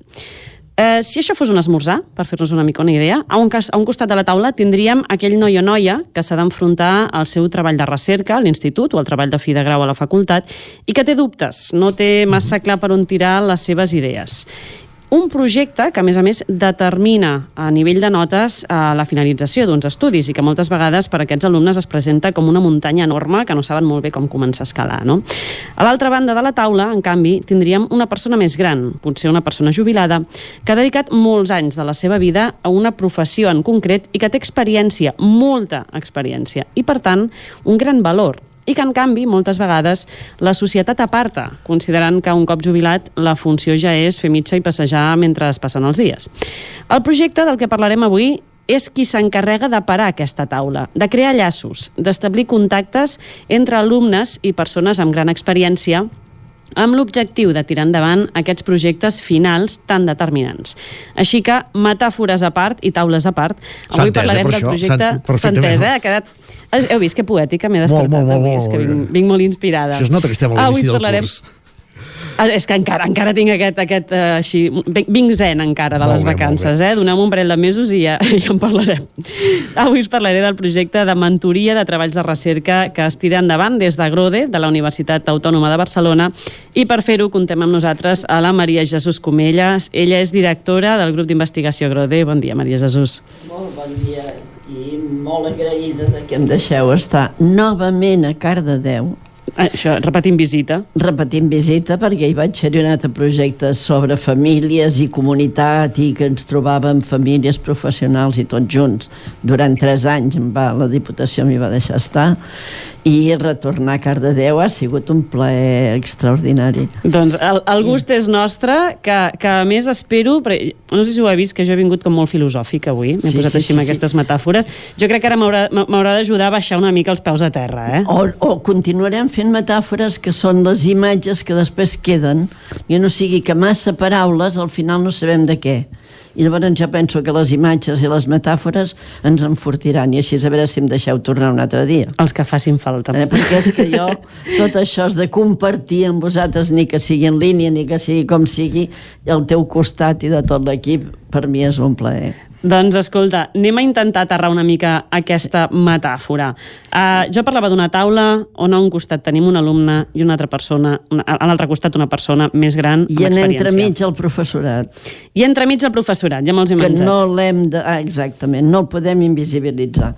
Perquè l'alumnat eh, és interessant senten per internet idees, o senten per la tele o allà on sigui, i tenen unes idees genials. Llavors tenen una persona tutora a l'institut o a la universitat. I a aquesta persona normalment se li ricen els cabells. Depèn de la demanda que fa l'alumne. Perquè el professorat no podem oblidar que fan docència, que en tenen 30 a la classe, que han de corregir i que tenen, a més a més, uns quants treballs de recerca, tots ells de temàtiques diferents, no sempre vinculades amb la seva especialitat una, un exemple molt clar per les metàfores, una professora de geologia i l'alumne volia veure com es feia la inseminació artificial que, que estàs superrelacionat, no? A més a més la volia veure. Volia anar a quiròfon a veure-ho. Home, no, que les no demandes, perdis, no? Les demandes de l'adolescència també són fantasioses, diguem-ne. Esclar, el susto que va tenir la profe va ser mm, genial. I llavors li va dir, mira, carinyo, deixa el tema i fes aquests que jo ja controlo. I l'alumne, amb tota la, diguem-ne, tot el dret, va dir, jo vull saber d'aquest tema. Llavors, hi ha un enginyer de, diguem-ne, de tot el que és teràpia genètica i de tot el que és, diguem-ne, el món genètic, i li vam dir, Agustí, sisplau, tenim aquesta demanda. Ens vàrem assentar. Llavors, el procés és, nosaltres, com a equip, eh, anem a buscar la persona mentora, ens mm, concertem entrevista, l'alumne, profe, la persona mentora i nosaltres. Llavors, és clar, la primera cosa que se li va dir a aquest alumne és que tens 17 anys, no has estudiat medicina, amb un quiròfano no hi entra qualsevol. Vols saber del tema? Cap problema, t'ajudarem, t'acompanyarem. I veiéssiu la cara de satisfacció de la profe que va dir, menys mal que tinc algú al meu costat. Eh? Doncs aquest seria com un de molt emblemàtic, molt gràfic, però en tenim, aquest any n'hem mentoritzat, se n'han mentoritzat 81 treballs. D'on neix? Com comença tota aquesta proposta? Per, per, a, a nivell de cronologia sí. anem, anem, a veure, anem per ordre. A nivell de cronologia. Estem en l'any 2007-2008, no perquè jo em anava fent gran, perquè, és clar, tothom es fa gran, i ara estic a la ratlla de fer els 80, però a l'època encara estava en actiu a l'autònoma. I anava veient com aquesta experiència de companys i de gent es perdia. Eh, llegint sociologia, és clar, la gent s'ha d'apartar perquè si no ocupen el lloc del jovent, jo deia, no, que nosaltres ja tenim la jubilació, no ocupem el lloc de ningú. L'experiència i el coneixement es perd. I vaig dir, però això no és ètic, no? Perquè la societat necessita aquest coneixement i com a persones grans jo penso que gairebé seria un deure, però si no una qüestió ètica de retornar a la societat tot allò que hem après i continuar contribuint en aquesta construcció de coneixement. I tot això se'n va anar fent com això s'ha de ser i vaig començar-ho a dir en en Joan Subirats, a sociòlegs, a psicòlegs i tot plet, i he tingut la sort que m'han abraçat des de llavors. Tothom m'abraça i em diuen quina idea tan bona, tira endavant. Tira endavant vol dir t'apanyaràs. Però bueno, com que un és tossuda, ho vaig anar-ho construint, ho vaig anar-ho d'alguna manera escrivint i vaig començar-ho a presentar a congressos.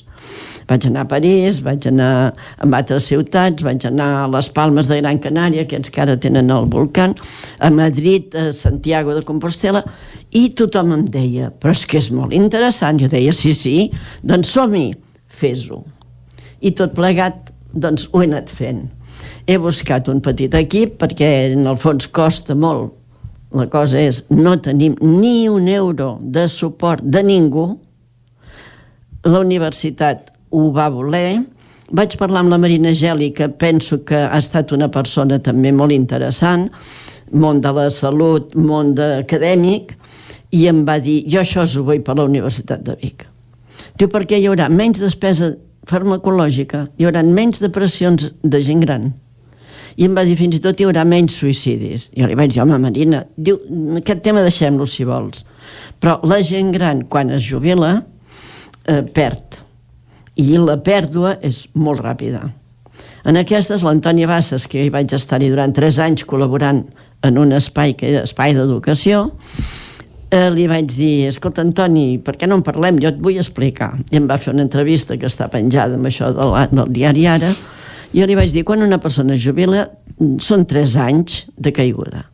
El primer any, quina sort que em jubilo, ara endreçaré la casa, posaré ordre als llibres, plantaré i arreglaré el jardí. El segon any, bueno, ja ho tinc tot endreçat, bueno, faré viatges, cada dia cap on vaig, cap on vaig. I al final, el tercer any, en queden 30 encara, perquè quan es jubila la gent amb 60, 65 expectatives de vida fins als 95. I llavors ve el desànim. I ara què faré? Ara m'avorreixo, em penseixo, vaig a passejar el gos, vaig a no sé què, em trobo amb algú, estic cansada, avui plou, avui no. Per tant, penso que és un factor important perquè la gent es mantingui amb ganes. És, que és una, ter una tercera part de la vida d'algú on la societat espera d'alguna manera que es dediqui, això com dèiem abans, a veure els dies passar, no? Exactament. I després hi ha un altre factor que també em va mobilitzar moltíssim, és ara ja no ets, oi? Jo, perdona? No t'has jubilat? Sí. Doncs ja no ets. Perdona, jo continuo sent profe, el metge continua sent l'infermera, la metgessa continuem tenint una identitat de la professió que hem exercit, però tu ara ja no ets. Per tant, es perd la identitat, et marginen i després et volen fer regals, per dir-ho d'alguna manera. No sembla l'edat que tens. I llavors al principi els hi deia, vols que em vesteixi com la vella Quaresma o com la castanyera? Perquè llavors has de tenir aquella imatge de persona gran amb el bastonet que va caminant a poc a poc. I com que hi ha l'eterna joventut, perquè ara tot tothom ha de ser jove, ara, ara m'enfado d'una altra manera. Em diuen, és que ets molt jove. Dic, perdona, ara em faré 80. Jo diria que jove no. Ara, per què no busquem altres adjectius? Estàs activa, estàs motivada, estàs apassionada, estàs fent coses interessants, ostres, quina sort, et bellugues. Tot això sí que m'agrada, que m'agrada, no cal que m'ho diguin, però tot això sí que m'ho puc atribuir, però que em diguin jove, diria que... no cola, no? Este... No, no, perquè estem d'alguna manera pervertint el, el llenguatge. I el llenguatge ets o jove o eh, una persona d'edat avançada. Li van dir una dona de 60 anys. I llavors dic, a veure, espera't un moment, jo ara em faré 80. Jo no tinc edat avançada, jo sóc jove. No confonguem les situacions. Llavors, sóc una persona gran i, a més a més, amb moltes ganes, perquè l'alternativa ja m'arribarà. Vull dir, no la nego, l'alternativa, però que tardi, vull dir que jo ja estar en el món, però en actiu, fent coses interessants, compartint, xerrant, estant aquí amb vosaltres i amb qui sigui. I sobretot amb totes les generacions. Perquè l'altra cosa, vés a explicar contes als infants, escolta, vale, el de la caputxeta vermella, vale, podeu anar cantant a Dales, llavors et munten la vida. Eh, pot ser voluntària, puc ser-ho tot, puc ser àvia, puc ser eh, emprenyar la gent, puc fer el que vulgui, però no em tragueu l'experiència i el coneixement, perquè demà me'n vaig a París amb un congrés ho dic ara com a detall, vull dir que... Però aquest any he anat a quatre congressos. És infravalorar, d'alguna manera, no? Ah. Tota aquella experiència, tot aquest cúmul, en el moment en què val, ja ha arribat el moment de plegar de fer això. De plegar de fer això. Per I tota ja... aquesta motxilla d'experiència i de valor. Jo continuo. I quan va sortir el de París, que a més a més París m'encanta, però a Santiago de Compostela, a Girona, llavors hi ha un congrés sobre... Eh, aquesta és la Bienal d'Educació. Ostres, jo hi vaig i vaig presentar, miri, jo voldria presentar això. Em diuen, d'acord, ara escrigui 10 pàgines. Vale, escric 10 pàgines. Llavors, doncs vingui tal dia, presentar-ho. Llavors jo tindré gent que m'escoltarà, no, no perquè vulgui que m'escoltin, però gent aquí transmetre la idea de que tenim, jo diria, l'obligació ètica de retornar, de compartir, de continuar, mentre les neurones em respectin, ostres, jo he de continuar aprenent, jo he de continuar analitzant, valorant què ha canviat, què no ha canviat, què s'ha de mantenir i què no cal. perquè també en algun moment dius, bueno, això és quan tenies 40 anys ho veies imprescindible, ara matisa-ho. Ara, cuidado, que hi ha aspectes que no s'han de matisar perquè estem perdent bous i esquelles. Estem dient, fem una innovació, eh, les escoles fan innovació i estan fent el que es feia a l'escola del mar el 1920. Eh? I ara hi ha hagut un que jo dic que és el meu sociòleg de capçalera, l'Edgar Morin, Morin, que és de París, ha fet 100 anys aquest any. I ens va escriure una carta i va dir, deixeu de dir tonteries. Vull dir que en molts moments hi ha aspectes que són troncals, que són fonamentals pel benestar i pel, i pel progrés. I pel progrés. Llavors, depèn de l'edat. Ara hi ha tecnologia, no n'hi havia per sort perquè jo vaig fer la tesi doctoral amb l'Espano Olivetti i és clar quan van haver-hi els ordinadors vaig tocar el cel però hi han aspectes de maduresa de creixement de, dels infants de com educar els adolescents que no siguin tan trapelles, mm, bueno, anava a dir una altra cosa, no? Però, trapelles dir, està bé. O carallots, diguem-ne, no? I llavors els acusem del que fan quan som nosaltres que no els hem eh, marcat una línia que sí que han de tenir la tecnologia, però que també han de rentar roba i també han de fer truites de patates. És a dir, que els hem d'ajudar a entrar en aquest món, en un món que després ens ve la pandèmia i ens destrossa tots. Diu que el botellón de l'autònoma, diu que com que ens han estafat Perdó, qui t'ha estafat què? Uns anys de vida. I els refugiats? I els de, i els de les guerres? I els de l'Afganistan? Això sí que són persones que han estafat. Però la pandèmia, escolta, el que passa és que creiem que nosaltres això no ens podia passar perquè estàvem en el món excel·lent, no? Llavors ens ven aquí un virus i ens toca, com lògic, toca tot el món. A l'Àfrica pitjor. I a sobre encara ens queixem que durant tres mesos no vam poder sortir de casa aturem-nos una mica, no? Vol dir que jo penso que tenim una experiència, perquè jo sóc de la postguerra, a mi no em van estafar res perquè no hi havia l'adolescència i els 10 anys a treballar, vull dir que no hi ha més. Saltava, una fase que se saltava. És que no hi era perquè als 10 anys anaves a treballar. Jo vaig tenir sort que em van dir, bueno, estudia els 4 anys de batxillerat, els 10 a l'institut. Ara, pobrets, els 12 a l'institut. Els 14 o estudies o treballes, em van deixar estudiar per mestre Ara els 18 és que no saben on penjar un llum. Jo sé, ara, escolta, reaccionem una mica, ajudem-nos a tocar de peus a terra, que no deixem d'estar en una societat molt protegida encara, perquè l'Àfrica tampoc s'ho planteja, ni en tants llocs del món no es poden plantejar, perquè la canalla van a treballar, no? Llavors jo penso que aquesta experiència nostra l'hem de transmetre amb serenor, sense pretendre alarmismes, perquè jo no en sóc gens d'alarmista, però allò de dir, escolta, agafa l'agulla i cosa't la vora dels pantalons, eh? no cal que la portem a que ens la cosin, jo te n'ensenyo a cosir, o l'àvia, bueno, jo esclar, ja sóc l'àvia, no? Eh, T'ensenyo a cosir-te la vora i no cal que doncs esperis que algú et resolgui aquesta necessitat tan bàsica que tens totes les possibilitats de resoldre-te-la i segurament una mica més. No cal que esperis que el pare i la mare arribin de treballar i que facin el sopar que vagin a la reunió de pares i mares i tu els hi envies un WhatsApp dient que tens gana. I els pares i mares s'aixequen de l'institut i se'n van perquè la criatura de 14 anys té gana. Tu fas el sopar i que quan arribin de la reunió es trobin la taula parada i el sopar taula. Però aquí se'ns obre ja el, el ventall de l'autonomia, que aquí tenim un altre... De la maduresa...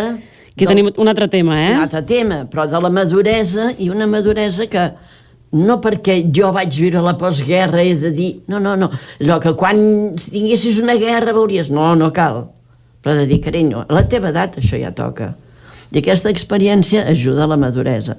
A nivell de coneixement és exactament el mateix. Poden somiar amb temes extraordinaris, però tens 17 anys, tot just comences ara física, química i tots aquests aprenentatges més evolucionats, compte que has d'estudiar, si vols fer una carrera de medicina durarà tants anys, compte que l'especialitat en durarà més, compte que si vols posa-te amb ganes, fes realment, comença a somiar, algú t'acompanyarà en aquest somni, algú et dirà no tant fins aquí, col·laboració amb el professorat, que el professorat no és que no sàpiga, és que té també especialitat, llavors, per tant, aquí aquest treball entre tres és fonamental, però us asseguro que és d'una riquesa. Hi ha una 150 persones que volen continuar acompanyant treballs de recerca. 150, perso o sigui, 150 persones que acompanyen, Grans. estem parlant de persones jubilades. Grans. Sí, Tot, sí, tothom sí, sí, jubilat sí, sí. o hi ha algun cas que... Nosaltres suggerim que siguin jubilades perquè no prenem el lloc de ningú. Ara, n'hi ha un de, 70, de 59 que vol ser-hi. Cap problema. Perquè la mentoria no ocupa el lloc del tutor o la tutora, sinó que és un acompanyament específic d'un tema que a mi m'ha agradat molt i que no cal ni que siguin ni doctors, ni profes d'universitat, ni profes de res. Hi ha una persona pagesa que ha estat acompanyant de Sant Hilari una noia que volia saber com havia de ser l'aigua perquè els naps creixessin millor. El grau d'acidesa, en fi, jo no hi entenc. La veritat és que hi ha temes mm, rebuscadíssims, eh? Bueno, i crec- específics, aquesta nana volia saber en el seu hort doncs, plantar naps. Llavors, com que tenim una pàgina web on hi ha temes dels que ja tenim persones expertes jubilades i, per tant, també eh, demandes possibles. Llavors, tant pot ser l'alumne que ens demani, el profe, que després de seguida fem el, el correu electrònic a tres bandes. Aquest alumne de tal institut ens ha demanat això. Li diem a la persona tutora, bueno, ens, li demanem l'adreça de la teva persona tutora. Llavors, aquesta alumna teva t'ha demanat, ens ha demanat això. Llavors, buscarem persona per mentoritzar aquest treball. Llavors, fem la trobada a tres bandes, després ja que es posin d'acord i nosaltres sempre hi som de referència el grup i és de referència per si hi ha algun rifirrafe O sigui, la iniciativa d'alguna manera no té per què ser de l'escola, sinó que el mateix alumne... Sí, sí, sí, sí, sí. I quan hi ha una... mm, Perquè nosaltres ho anem explicant. Quan hi ha alguna profe que ens diu tinc un alumne, digue-li que demani. Té 17 anys, compli un formulari, em dic així, així, vull fer aquest tema. Per tant, llavors, a partir d'aquesta demanda, busquem una persona mentora que pugui ser adient i li suggerim, mira, hi ha aquest tema, què et sembla? Ah, encantat de la vida. Llavors, quin dia us va bé? Mentre ha sigut necessari la virtualitat, el, el, diguem la plataforma Zoom, quin dia, a quina hora ens trobem? Llavors hem fet el Zoom. Nosaltres, com a grup, hem fet la presentació, l'alumne fa la demanda més explícita i llavors els posem d'acord. Existeix a més aquesta, aquesta web on dèiem que un alumne ja pot trobar sí. idees, no? Aquells sí. alumnes que estan totalment perduts de no sé ni per on enfocar ni ara, agafar pel idees prof- allà, no? I pel professorat també. Llavors els ICES de les universitats també ens han donat entrada en el professorat de secundària, la veu va corrent, en els congressos, l'entrevista que em va fer l'Antoni Bassas, que està en el diari ara penjada, també hi va haver-hi gent que va dir hem llegit això que m'hi puc apuntar. Obert, absolutament obert. No? És totalment obert i sense despesa. i sense despesa per part dels professors ni, ni del centre que estem demanant ajut perquè jo dono 200 euros a la persona mentora perquè n'hi ha un que és d'Hospitalet ai, d'Hostalets de Balanyà i va tenir una demanda de roses i va agafar el cotxe i se a Roses Clar. un altre de Tarragona i se cap a Tarragona més que res perquè es puguin prendre un cafè, jo què sé, una mica, no? I de moment jo intento amb altres projectes que m'han donat una mica de suport, doncs, de... i demano als ajuntaments, ja que és el vostre col·lectiu, professorat i alumnat, ni que sigui una petita Una aportació. ajuda pel transport, Per que... Ah, exactament, perquè és clar aquesta persona se va anar de, des de Roses, després se va anar a Tarragona i és un home que diu jo hi vaig perquè d'aquesta manera ho explico millor, doncs vinga, vinga cap allà. Amb els projectes que, que heu gestionat fins ara, no sé si heu detectat d'alguna manera un canvi en la mirada per part de l'alumne cap a la gent gran. Molt, i, de, i del professorat del professorat, que aquí no els perdono, no el professorat. Li dic, eh, d'aquí els anys que et quedin, apunta-t'hi. I em diuen, jo encara no. No, quan et toqui, quan et toqui. Però però me l'he apuntat. Ah, això mateix. Però com que tenim la teva adreça, t'anirem informant. I l'alumnat, eh, molt tendre, molt tendre d'aquí. Sí que saps coses, carinyo, que porto molts anys en el món, saps? I llavors, doncs què em podries dir, que podríem, què podria fer? Llavors li dius, mira, a la teva edat, amb el coneixement que tens, no. Hi va haver-hi un cardiòleg que se'ns ha apuntat i l'alumne, que és d'aquests així llançats, no? Diu, eh, res d'antibiòtics.